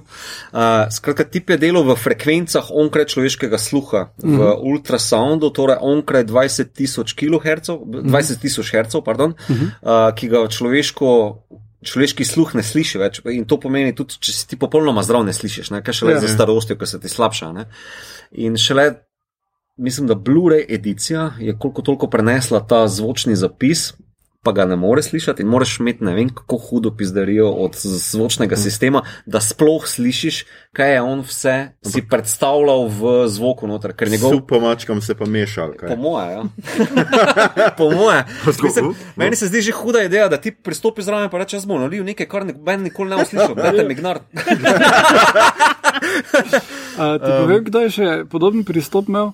Uh, Marilyn Manson pri Resident Evil filmu. Aha. Jaz sem mislil, da bo Ja. rekel Björk, ker je Ne, prva ne. ideja. Pač mislim, da je vse ta organski. Od Björk bi to pričakoval, od Marilyna Mansona pa Resident Evil filma pa ne. Ja. ja, on je, ful, uh, on je bil razočaran, ko je izvedel, da mora samo skor napisati in ne cel zvok. Aha, ja, ja. Uh, in uh, pol je naredil tisti skor, pol pa je še ful dodajal zvokov zraven, pa so bili oni vsi malo, uh, to ni tvoj job, nehaj. Ne, mislim, ti je šel noter. a, Na koncu sem pa po par esejev, ki se, eh, naprimer, 45-minutni esej, ki se ukvarja samo z dvominutno eh, sceno noter, ki gre frame po frame, pa pokaže, da to je dobro, to je dobro, Wow. to je zato dobro, to je zato Wow. dobro. Um, pa o tem um, soundtracku, ne, predvsem o zvoku, je še en esej noter, ga bom dal. K, uh, dejansko zanimivo mi je, da res ti delaš nekaj, kar ne moreš slišati, ali pa oziroma moraš imeti tako hud sound system, da sploh čutiš nekaj, ne? ker to pa že Ja. gre na ono raven, da zvok čutiš. Ne? Imaš infrasound, ki je pod 20 Hz, da Ja. ga čutiš na telesu. Ultrasound je pa nekaj, kar ti v bistvu že malo vpliva na možganske frekvence. Ne? In se mi zdi, da konceptualno mm. tako zraven pristopiš, kao da, lej, jaz bom to delal na to, ker pač Akira se s tem ukvarja. To, to, to. In to, hoče samo povedati, da v bistvu zraven vseh teh vizualih, zgodbe, uh, Ja. pa tem, ki jih opisuje, predvsem v japonski, pa v japonski kulturi in identiteti, še potem tudi ta vsa konceptuala od zadaj, ki je podporni steber temu. ne. Tako da ni za ston to eno od res vrhuncev, uh, ni samo animacija, ampak uh, arta nasplošno. Ja. Skratka, nosečnice lahko dobijo še ultrazvok. Anekdota, ker sem pač edina ženska, ki je dala skozi dve nosečnosti. Nisi edina ženska, ki Tukaj, je to uspela, ampak tukaj tukaj pa tukaj. definitivno si dala edina Um, kakršno koli nosečnost. se pravi, kakršno koli. Uh, se pravi, moja starejša punca, devet let je stara zdaj, devet pa pol, me je naučila včeraj, da je ona že No, devet pa pol. bog ne daj. Okay. No, se pravi, ona, ko še ni uh, pač stopi, stopila na ta svet, ne, je pa bila vsebovana v meni in je, torej, noseča sem bila nekih sedem ali osem mesecev, to je kar že konkretno videna zadeva. In uh, se šla v kinoudarnik Mariborski. Ki ga žal ni več, to so ene uh, druge zgodbe, uh, gledati uh, Akiro. Uh -huh. Uh, bilo je hladno, to je bil tudi en velik problem, ki na udarnik Mariborskega ni bilo gretja, bila je zima, ni bilo gretja, zeblo me je, ampak dobro, ok, jaz sem ga že itak že gledala, poznala sem zgodbo, naj sem pa tja. In torej jaz se nekako namestim, le ono, ne, nosečnica pa, ne, z- se zadekam in tak, ne. In še tako sama sebi pomislim, evo, zdaj bo moj še nerojeni otrok z mano prvič gledal na velikem platnu z zvokom, z soundom, to vse skupaj uh, Akiro. Kaj se je zgodilo nekje na polovici, se pravi nekje uh, pri najhujših scenah, je moj otrok v trebuhu začel reagirati. In to je bilo za me zelo neprijetno, ker ko uh, se pravi, en uh, dojenček skače materi po notranjih organih, po ledvicah in uh, vseh to, kar je notri, ni to prijetno in dejansko se morala zapustiti dvorano. Ker je ona skozi mene, skozi moje doživljanje, mogoče tudi celo skozi ta zvok, ne vem, okay, ja. uh, je nekaj doživljala in je reagirala. Aha. Tako da v trebuhu ni videla, akire do konca Aha. skozi mene. Torej, večina buržuje, kao, ne, ne, dajmo od Mozarta, Beethovna, to- ne, ti, Akira, to. Da best. Ja, ja. Super. To. I like it. Okay. Jaz mal tako, se malo kar stisne, ste ene te stvari Vidim, da se vedno bolj predoživljam. embrijo pozna. Kaj si te ti gledal? Sam si ga vrag vedi. Um, Tebi so najbrž brali poezijo. Ne? Najbrž ne, ampak ok, pustimo to.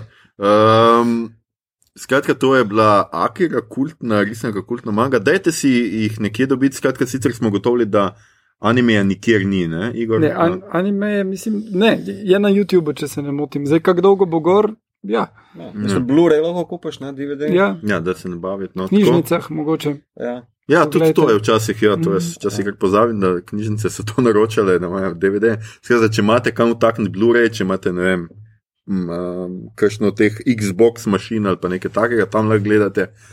Uh, oglejte si, preberite, uh, mi pa vam bomo zdaj dali še uh, predloge, še za več gledanja in branja. In sicer sem prosil um, svoje soagenta in seveda gostjo, da nam da priporočijo vam, seveda, še dve, uh, še kakšno mango ali anime, da bi za branje in ogled. In Tanja, ti si nam pripravlja dve, ki ste mi zelo zanimivi, ker jaz nis, ne poznam nobene od njih. da. Ja. In niti ne vem, kje bi to poslušalci lahko dobili, nimam pojma, znajdite se, mislim, Google knows everything. uh, In če sem jaz jo dobila, ne vem, 12-15 let nazaj, boste tudi vi. uh, 20th Century Boys. Um, ta, uh, to je manga, uh, vse anime je bil tudi narejen, samo ga nisem gledala, ker mi je zmanjkalo časa. Uh, je mm, torej zgodba, ki eh, tudi vleče neke sporednice z Akiro, zato bi torej ljubiteljem Akire bil všeč tudi 20th Century Boys, kaj ti gre za skupino uh, mladeničev, uh, ki uh, odraščajo, torej so tukaj tu neki elementi in so v bandi, uh, v gengu.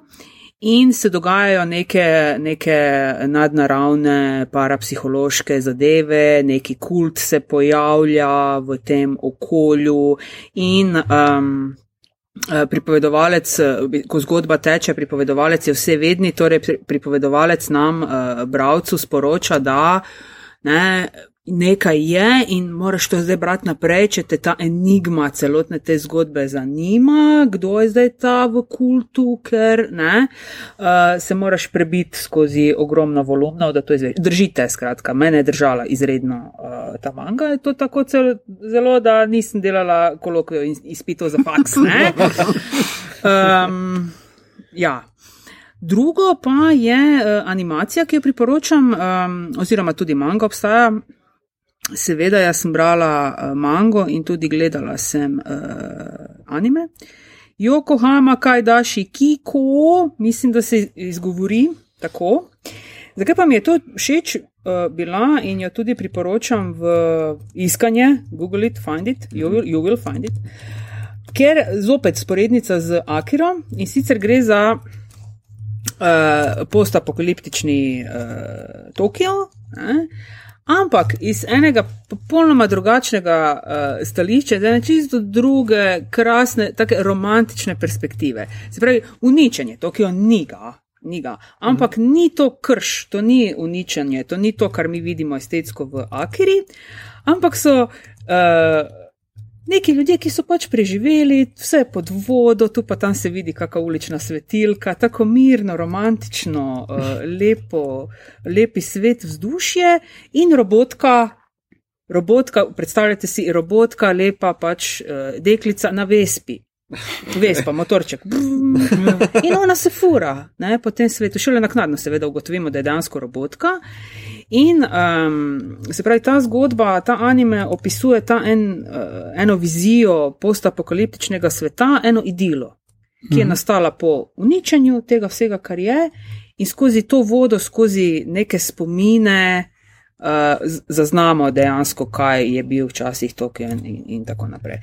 Tako da meni je to bilo uh, fantastično konzumirati in doživljati uh, čisto eno drugo, uh, drugi način. Uh, izbrisa sveta in vzpostavitve nekega, nekega novega sveta, kjer Mhm. se laufa, pač uh -huh. tako kot laufa. Okay, okay. Na vespi. to z moje strani. Uh, Mita, Uh, jaz bi priporočal, ajde, um, ki mi je ukradla že prej z uh, Neogenesis Evangelium. Uh, ki ga tudi priporočamo, seveda. seveda. Um, ne priporočam bom eno mango, ki me je na akademiji presunila in to je Blue od uh, Kiriko Nananan, upam, da se prav izgovori. Uh, je pa kratek risoroman uh, o srednješolski lezbični ljubezni. Uh, je pa skoraj da brez teksta, ampak uh, pristop do kadriranja, ne, do, uh -huh. um, do risbe, ki je popolnoma estetiziran, linijski, izčiščen, brez pretirane navlake. Um, Uh, je pa tako izjemen, tako precizen, tako uh, kompozicijsko uh, zastav, izjemno zastavljen, da še me zelo navduši. No? Tako da uh, je na spletu, mislim, da ga na, kako se že reče, na Goodreadsu ga imaš, pa še na Amazonu ga lahko kupiš. No? Uh, Goodreads je social network, najbrž misliš Book Depository, jaz jo vedno zamešam. Ja, vse tudi, no, uh, se prečujem to. Um, to ful priporočam od manjk, pa ajde še eno tako najstniško oziroma otroško anime na RTL-u. Upam, da bom to prav izgovoril. Miraj Keisatsu Urashiman je pa to Future Cop, so prevedli v uh, Nemčiji pa Ameriki.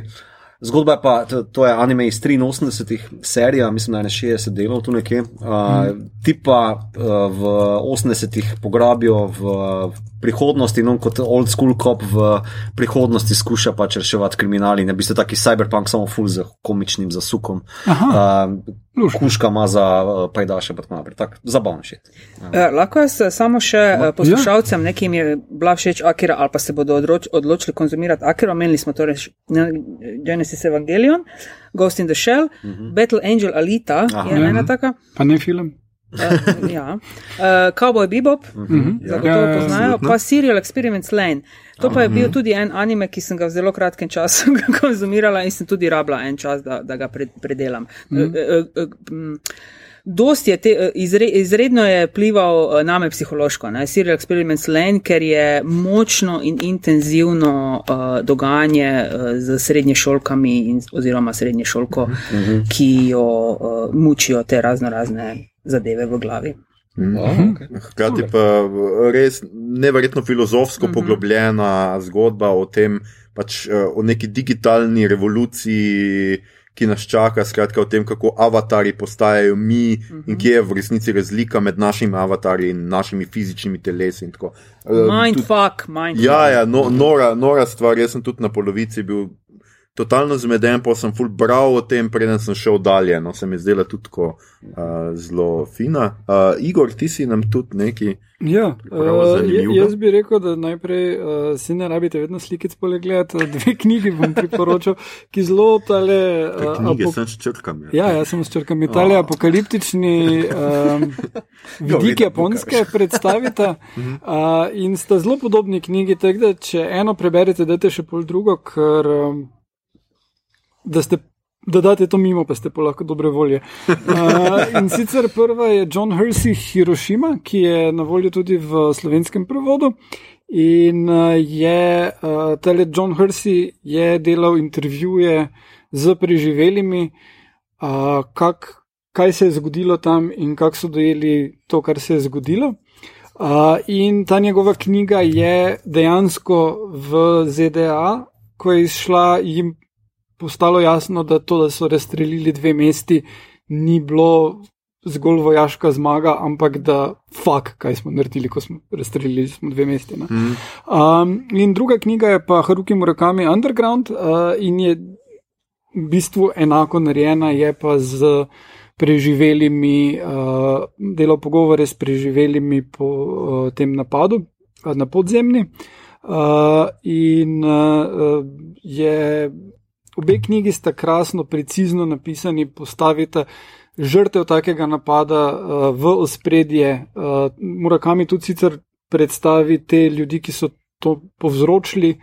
Uh, Predvsej se mu smilijo, ker so pač zelo zavedeni bili, ne glede na to, da so bili zelo intelektualci, ampak um, krasni knjigi. Uh, uh, kot anime in manga pa je super zadeva, ker ste se vidva že bunila glede tega, nekoč Death Note.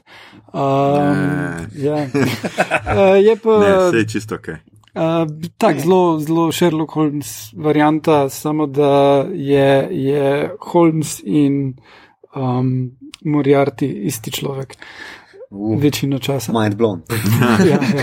Uh, ne, meni je bilo zelo zanimivo, film je vredno uh, pelo skozi, pa v uh, animu mi je bilo krasno, ker uh, je tale death metal intro, Japanese death metal To je intro. res, ne. Je, je to. Uh, mislim, da je na Netflixu, če se ne motim, Ja. Death Note. Ja, uh, obstaja tudi film, Pa Death film, Note ja. Netflixov, ki pa. Nisem ga gledal. Ki pa, ja, vsi se ga Mislim, tudi tak je Ghost in the Shell film ameriški, je ful boljši. Battle, Angel, Alita, level. A ja, Oh, oh. Ja. To je pol posnetje všeč. Ja. Sneti, ta je zate. Skratka, um, jaz ponovadi, ko me vprašajo za to, vedno priporočam isto in tudi zdaj bom. Pač to, sta, to je Full Metal Alchemist uh, in mango in anime, oziroma obe mangi seriji, ki sta. Imate Full Metal Alchemist in Full Metal Alchemist Brotherhood. Zdaj, če me na pamet vprašate, še zdaj ne morem skužiti, katera je katera. Zgodbi sta zelo podobni, razen na koncu se malo razlikujeta, in pa obe imate na Netflixu, tako da lahko probate. Je pa tako, da ena ima ful boljšo zgodbo, ena pa ful boljšo animacijo. Zdaj pa jaz jo ne ločim več med sabo in obe sem pogledal in obe sta super. Skratka, ampak je res tako, do neke točke imata zelo isto zgodbo, potem pa ena gre ful drugo smer. Druga pa v drugo. Je pa pravzaprav pripovedz spet nekaj kiberpunkovskega, takole. Um, pač pridemo v neko, kot nek uh, fantazijski svet, v katerem alkimija živi ob nekem uh, steampunkovskem svetu. Um, uh, nekima dvema bratoma pač umre mama, uh, ki je skrbela za njo, fotor je nekje, bog ve kje, in jo skušata obuditi od mrtvih z alkimijo, kar je pač eden prepovedan tabu, pač tega ne smeš niti probati. In v tem procesu eden od njiju izgubi roko in nogo in ima zdaj meka roko in nogo, drugi pa celo telo in ga brat pravzaprav reši s tem, da njegovo dušo, duh veže na ogromen oklep. Skratka, imamo enega mulca in en prazen oklep, ki ga vodi pač ta duh eh, tega njegovega brata, in ta oklep je pravzaprav njegov mlajši bratec. Ne? In potem pač um, ju zaposli vojska, ki zaposluje alkimiste, in v, znotraj vojske dobivata neke misije, ki jih uh, rešujete, hkrati pa več čas skušate rešiti, vrniti telo mlajšemu bratcu. In je taka zelo zanimiva pač zgodba. Meni sicer konci uh, obeh niso tako všeč, no, eden se pol ena serija, mislim, da je to zdaj res Full Metal Alchemist, Brotherhood se nadaljuje še z dvema filmoma. Uh, Oziroma, celo večernjima risankama. In za me je to pač ena najboljših. No, tako. je na pol tako otročja, otroška, hkrati pa ima pač te zelo velike uh, uh, teme uh, v sebi. Obe dobite uh, na Netflixu, skratka, in lahko pogledate in se pripričate sami, kaj sem vam pravkar povedal. In smo že v rubriki. No, smisla še brez zrka. Št- A ja, Berserk je tudi ena mojih najljubših, ampak uh, tleh sem se vseeno odločil Okay, za Full okay, Metal Alchemist. Uh, pa Full Metal Alchemist sem full več prebral, uh Mhm. -huh. mange, tako da mi je tudi manga super. Tam pa nisem, tam imam samo tri dele, sem uh Mhm. -huh. enkrat prebral, tako da nisem dalje. Sem mislil, da bi mogoče ne preločil obe med sabo. Uh. -huh. uh, skratka, in smo v rubriki, kaj gledamo, beremo, poslušamo. Tanja si je nekaj zapisala, nekaj zelo zabavnega, draga Tanja. Tako da, kaj ti gledaš, bereš in poslušaš? Uh, ja, mm, nimam časa za uh, prostočasne dejavnosti. Zato, ker sem se um, odločila svojo um, dosedanjo karierno pot uh, speljati v neke uh, druge vode, se pravi iz kulturne produkcije, s katero se ukvarjam, uh, plavam v polje kulturnega menedžmenta. Uh -huh. Jaz kot, kot družboslovka, ki nikoli nisem v življenju imela stikava z ekonomijo in podjetništvom, se zdaj na stara leta To je zdaj stočnica za vas. Nisi tako star. Hvala. Ne, to pa res ne. Uh, si mlajši od nas. Ja. Odlično. Jaz gledam razvalina. to je res. To je res. Ja. Ja, Mislim, da tebe res ne rabimo to lažiti. Mislim, ne moramo te eno, gledaj, pač malo resnico ljublja, moramo imeti v tem podkastu. True that. Ja. Skratka. Um, čudovita družščina so, dragi poslušalci, ti le moji trije sogovorniki. Uh, skratka, uh, odpira si neke nove karierne poti, uh, poklicne, uh, zato mi zmanjkuje resnično časa za um, konzumiranje. Um, Eh, zadev in sem potopljena v neke uh, čisto druge sfere. Ukvarjam se pa s uh, kulturno produkcijo, to seveda uh, in stripi ostajajo in uh, znanstvena fantastika ostaja moj interes. Nimam pa uh, časa, tako da nič ne morem, kaj trenutno berem, poslušam, ni, nič. nimam, nimam tu ja, materijala. Obstaja kakšna knjiga, kulturni management za telebane? O, ja, uh, kreativne industrije in, in tako naprej. Mhm. Udeležujem se različnih uh, izobraževanj, ker nimamo v Sloveniji kvalitetnega, nimamo sploh študija kulturnega menedžmenta. Uh mhm. -huh. To pa je polje, na katerem jaz orjem ledino, uh, v Mariboru sploh. Uh, v Sloveniji tudi redko kdo razume to besedo, kulturni menedžment, kaj to dejansko je. Um, zato sem kar malo v nezavidljivem položaju.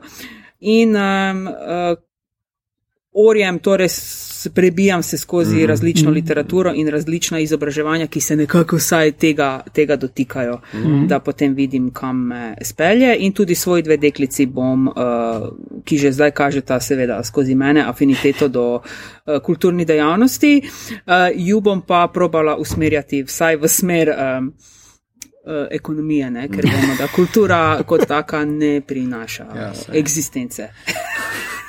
No, sej, v Sloveniji trenutno se kulturni menedžment razume tako, kot ga MK razume. Kako da čim manj?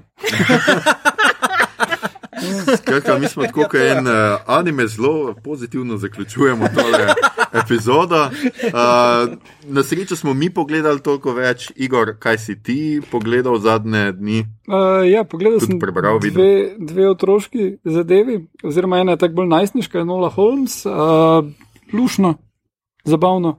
Uh, priporočam pač uh, temelji na knjigah, uh, v katerih je ideja, da je mlajša sestra Sherlocka Holmesa tudi sama postane detektivka. Mycrofta Holmesa ne pozabite na njegov In Mycrofta. Uh, tukaj je Mycroft predvsem neumen, no, ne samo Sherlock, pa ona, Aha, sta brihtna, okay. pa mama je tudi geni. Uh, zdaj glavno vlogo igra Millie Bobby Brown, ki jo poznate kot Eleven iz Stranger Things. Um, tetovaža Eleven je direktno povzeta po Akiri. A, a ja, ja, ja imajo.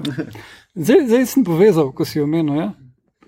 Um, no, Aker ima 11. Ne, ne, uh, ni, ta stil, ta stil, ta stil, aha, ki, okay, ki ga imamo. Direktno callback. No, ja. Ja, ker oni so številke, ne? Ja, ja. Oni so številke. Isto, kada, več eksperiment vlade, ja. ki bla bla za psi. Ja. Zelo podobna tema, mar ne? Ja, ja. Kdo bi si mislil, da so to ukradli? Pa oni so tudi biker gang, ampak na, na, na ja. motoristični. ja. Wow, pa res. Wow, torej v bistvu Stranger Things so Aki, Akira. Akira. Ja. Wow, meni je mind blowalo, vse je. Res. Ja. Um, um, No, uh, ona igra pa tale Henry Cavill igra Sherlocka. Tako, tako da je super. Helena Bonham Carter igra mamo. Uh, te, mislim, zelo, zelo zabavno lahko zadeva za najstnike in, in starejše. Mislim, tudi dosti mali lahko gledajo. Druga zadeva je pa roka spreminja svet. Je pa adaptacija Pike Nogavičke.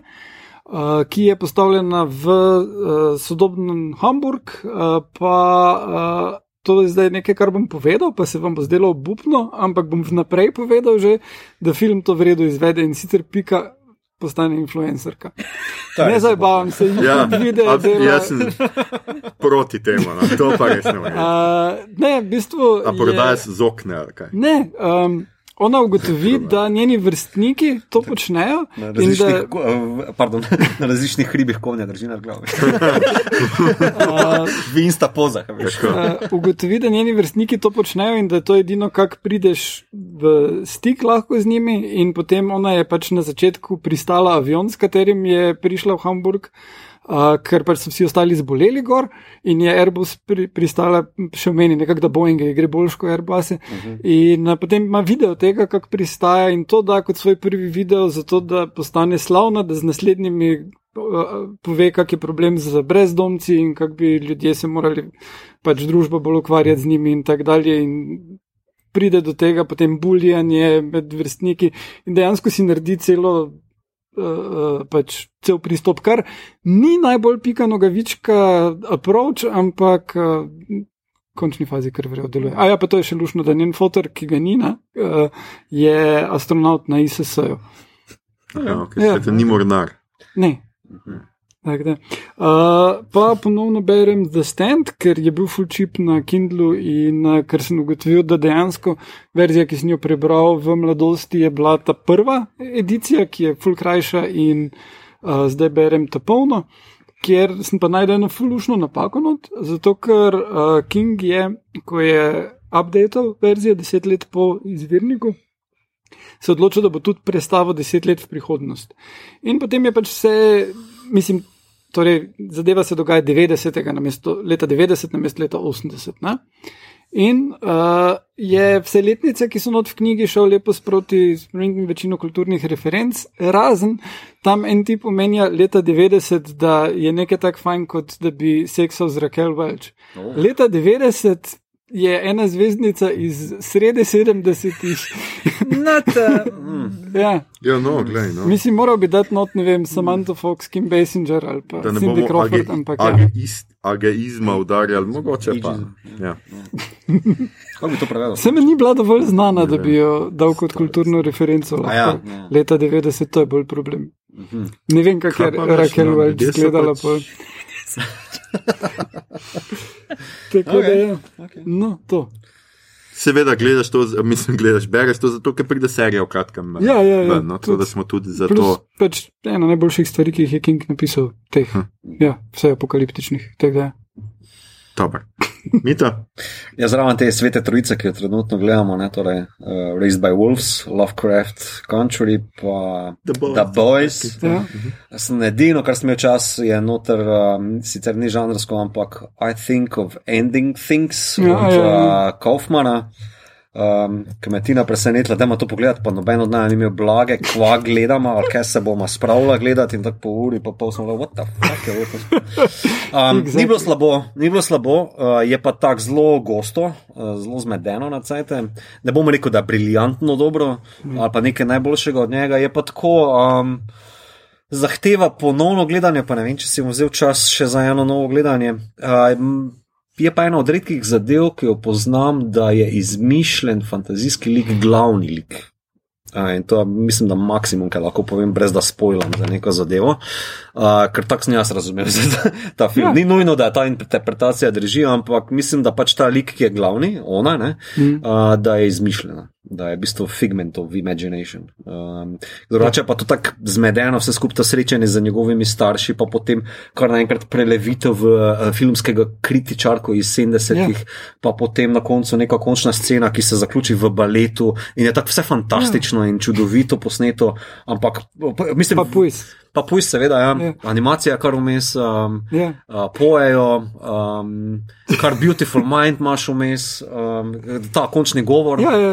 Tako ful je bizarka, zanimiv za pogled, ampak ja. Ne, mislim, sej, uh, uh, je, meni se je zdelo, da je dosti preprosta interpretacija vsega skupaj, da je on, ki je pač na koncu svoje življenjske poti, vidi pač ta genitor, torej, ja, ne, ja. vidi vse potencijale, ki jih je imel kot mlad človek, vključno z, skozi njo s potencialom Ja. ja. razmerja, ki je Ja. ena ženska, ki jo je nekoč srečal in jo potem amalgamira z ljudmi, ki so iz TV serij, z mm. uh, Polin uh, Kil, ki je prebral njeno kritiko in mm -hmm. z, z vsem tem.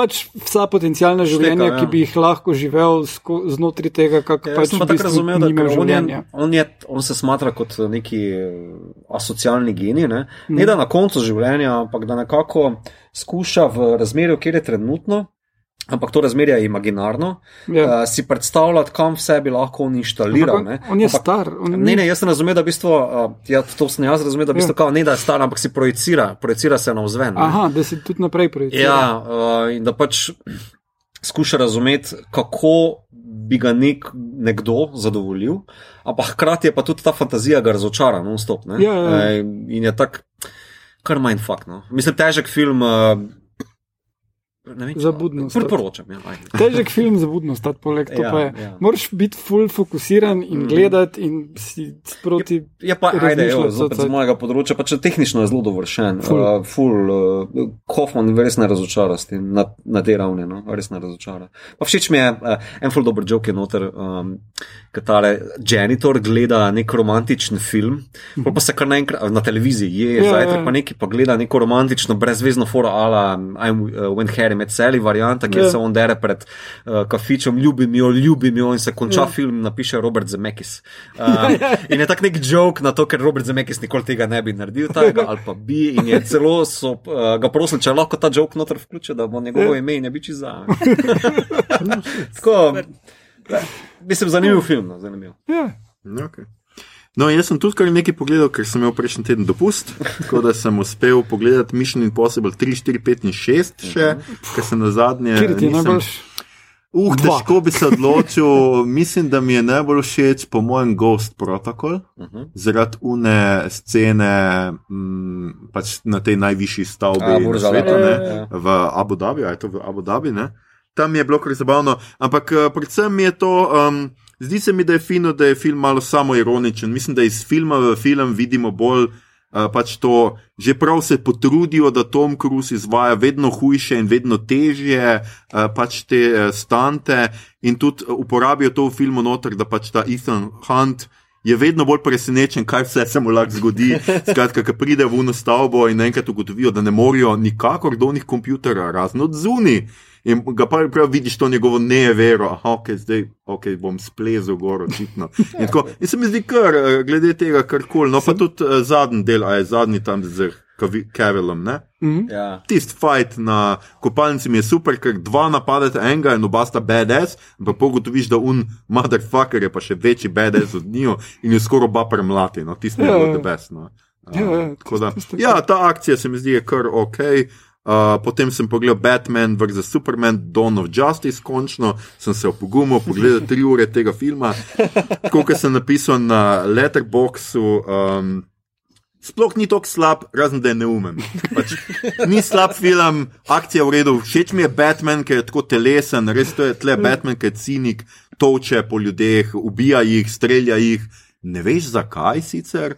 Še enkrat vidimo, kako pade v uno jamo in stvari, ki smo jih že tisočkrat, ta fotor. Jaz bi res mislim, da je smrt uh, pač Wayna. Ja. Ena največkrat smrti, ki smo jo največkrat videli v ne vem koliko interacijah v filmu. Čist ne potrebno. Ja, čist brez veze, ker vsi vemo, kdo je Batman, ampak ne zvemo pa, zakaj je on tak cinik, kar naenkrat in tako. Ampak se mi zdi ta osnovni problem, Superman, rabi samo en mal push, pa je recimo njegove. Collateral damage je lahko pač velik in tako, to se mi zdi pa super in škoda, ker niso tega malo boljše razdelali in da na koncu mora on ugrabiti njegovo bogo mamo in da pač obe mami imata isto ime in je kar Batman enkrat. Ok, v redu. Pejt in živi. ja, to mi je malo. To je ta pravno, tako sem se zdaj rekel, kaj je safe for this year. Ja, skratka, to mi je bilo malo tako. Potem ampak sem Ono, pogledal. ko se pojavi Wonder Woman, pol čist takrat film actually picks up. Na koncu Ja, ja, tam je tisti. Tam tisto je čeprav okej, whatever. ork, kinda looking thing, mi je to bilo malo too much. No, tako. Zgleda, kot pač Lord Ja. of the Rings. No. Abomination. ali kaj. Ja, pa še, Ali ta, pa še ta konec je zelo Ja. tako Lord of the Rings in Ja. oh, razvlečen mal. No? Skratka, to. Skratka, naslednji film, ki ga gledam, je Suicide Squad, mislim, da že ta vikend. Um, Pol imam The Devil All the Time, sem pogledal na Netflixu, je imel premiero 16. septembra, tudi takrat sem ga pogledal, takoj. Um, gre za en zanimiv film, v katerem spoznamo pač malega Toma Hollanda, uh, ki je pol še vedno mali, pač meni zmeraj zgleda, da je star 15. Uh, sem tudi sicer gotovo, da je neki tam 30, ne, okrog manj kot 30, je eno mulci, ampak skratka njegovo zgodbo, njegov fotor uh, in kako je njegova mama umrla za rakom, kako je fotor molo in njega silo v neke že zelo tako religiozne blaznosti, da bi pač kao preprečila smrt mame, potem pa. Um, pač tudi fotor naredi samomor, zdaj mislim, da vam nisem nič s tem spolal.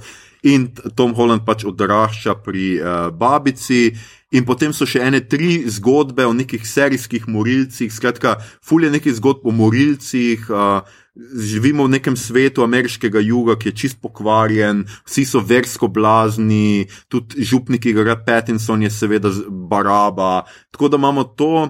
Najboljši plus tega filma je Pattinson, pač ta njegov del in on odigra fenomenalno in je super, ampak ga je premalo v filmu. Mm -hmm. In ta pač mal mi razleti film na vse strani, predvsem me pa izredno res moto ta naracija v ofu, ah. ki ne doda ničesar. Meni se ni zdelo, da mi je blazno dodala. Mogoče je super, ker je pač to po romanu. In je avtor romana, to pač naracijo, njegov glas je, ampak ne vem, no, vse, kar niso mogli dati v film, kar niso zmogli prikazati, so dali v naracijo. In v resnici nobene, uh, psihološke globine nimajo liki, razen to, kar o njih pove. Ti, ti tega noč ne vidiš. Vse se dogaja, vse je na dogajanju, vse je na umorih, na ne vem tem, pa še tudi to ni zdaj nek, nekega blaznega premika. In mene ni to na dušo, moram priznati, da mi ni.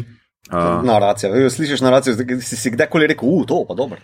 ja, ampak ne je res preveč. To moraš ja. res gledati. To je film, ki je skos. Mm. To je skos na, pač na vsake par minut se ta naracija pri, pojavi. Pri Enoli Holmes je tudi veliko naracije, ampak ona govori v kamero. Pol... Je dobro, to je drugo. Ja, ja, ja, to je malo bolj aktivno. Ja, ja. Mislim, da mora biti vsak teren smalik. No. Ja, ja, no. Pa začel sem The Seven Deadly Sins, en anime, ker sem ravno zaradi Akire se rekel, zdaj bi pa jaz en nov anime pogledal.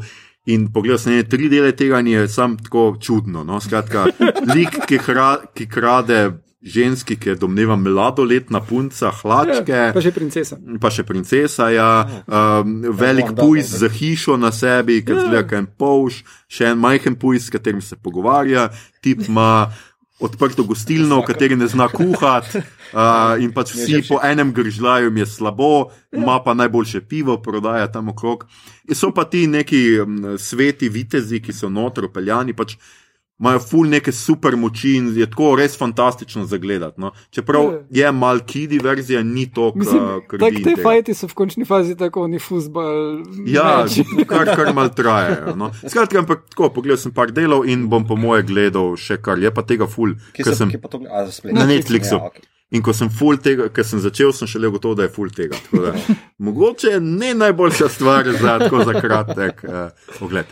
So pa 20 minut ali še krajši. Ja, ja, pač tako, se anime so vsi večinoma tam 20 minut. Da, tole sem no uh, začel, tako da za tiste, uh, kakšno stvar bom pa prehranil tudi za naslednjo epizodo, ker imam še nekaj tega, sem začel gledati. Ljudje in ljudi ne. To je bila že naša 59. epizoda, naslednja je 60. Uh, poslušali ste torej podcast za tiste, ki ne znajo šteti. Mislim, daleč, zdaj smo pa že z epizodami tako daleč, da ljudje že ne znajo sami prešteti. Skratka, poslušali ste podcast, ki se oglaša na ime Obot, podcast za serije, filme, risanke in knjige vseh žanrov od F do Z, ki ga gosti mreža Apparatus. Z vami smo bili Tanja, sama si je dodala ta nadimek, The Pink One, uh, cvitko, jaz pa sem dodal, skratka, danes Tanja, mogoče vam bo še žal, da ste me povabili v podcast Cvitko. Uh, potem je Mito, nepremečninski agent Gegič, oh, ja. Igor, motorist Harp in ali. Hvala, Igor. In Aljoša, druge, druge, druge, hrlamo. Uh, tole epizodo smo znova posneli v kinu Bežigat, našem najljubšem kinu, ki je te dni znova odprl vrata, svoje vrata, mislim, da je že to kar nekaj dni. Filmi se vračajo v kino, tudi vi se lahko ob upoštevanju vseh samozaščitnih ukrepov. Uh, če vam je bilo všeč, nove mutante gledate? Lahko gledate nove mutante, v kinu Bežigat jih imate, lahko še vedno tenet, lahko še enkrat tenet, temu tako.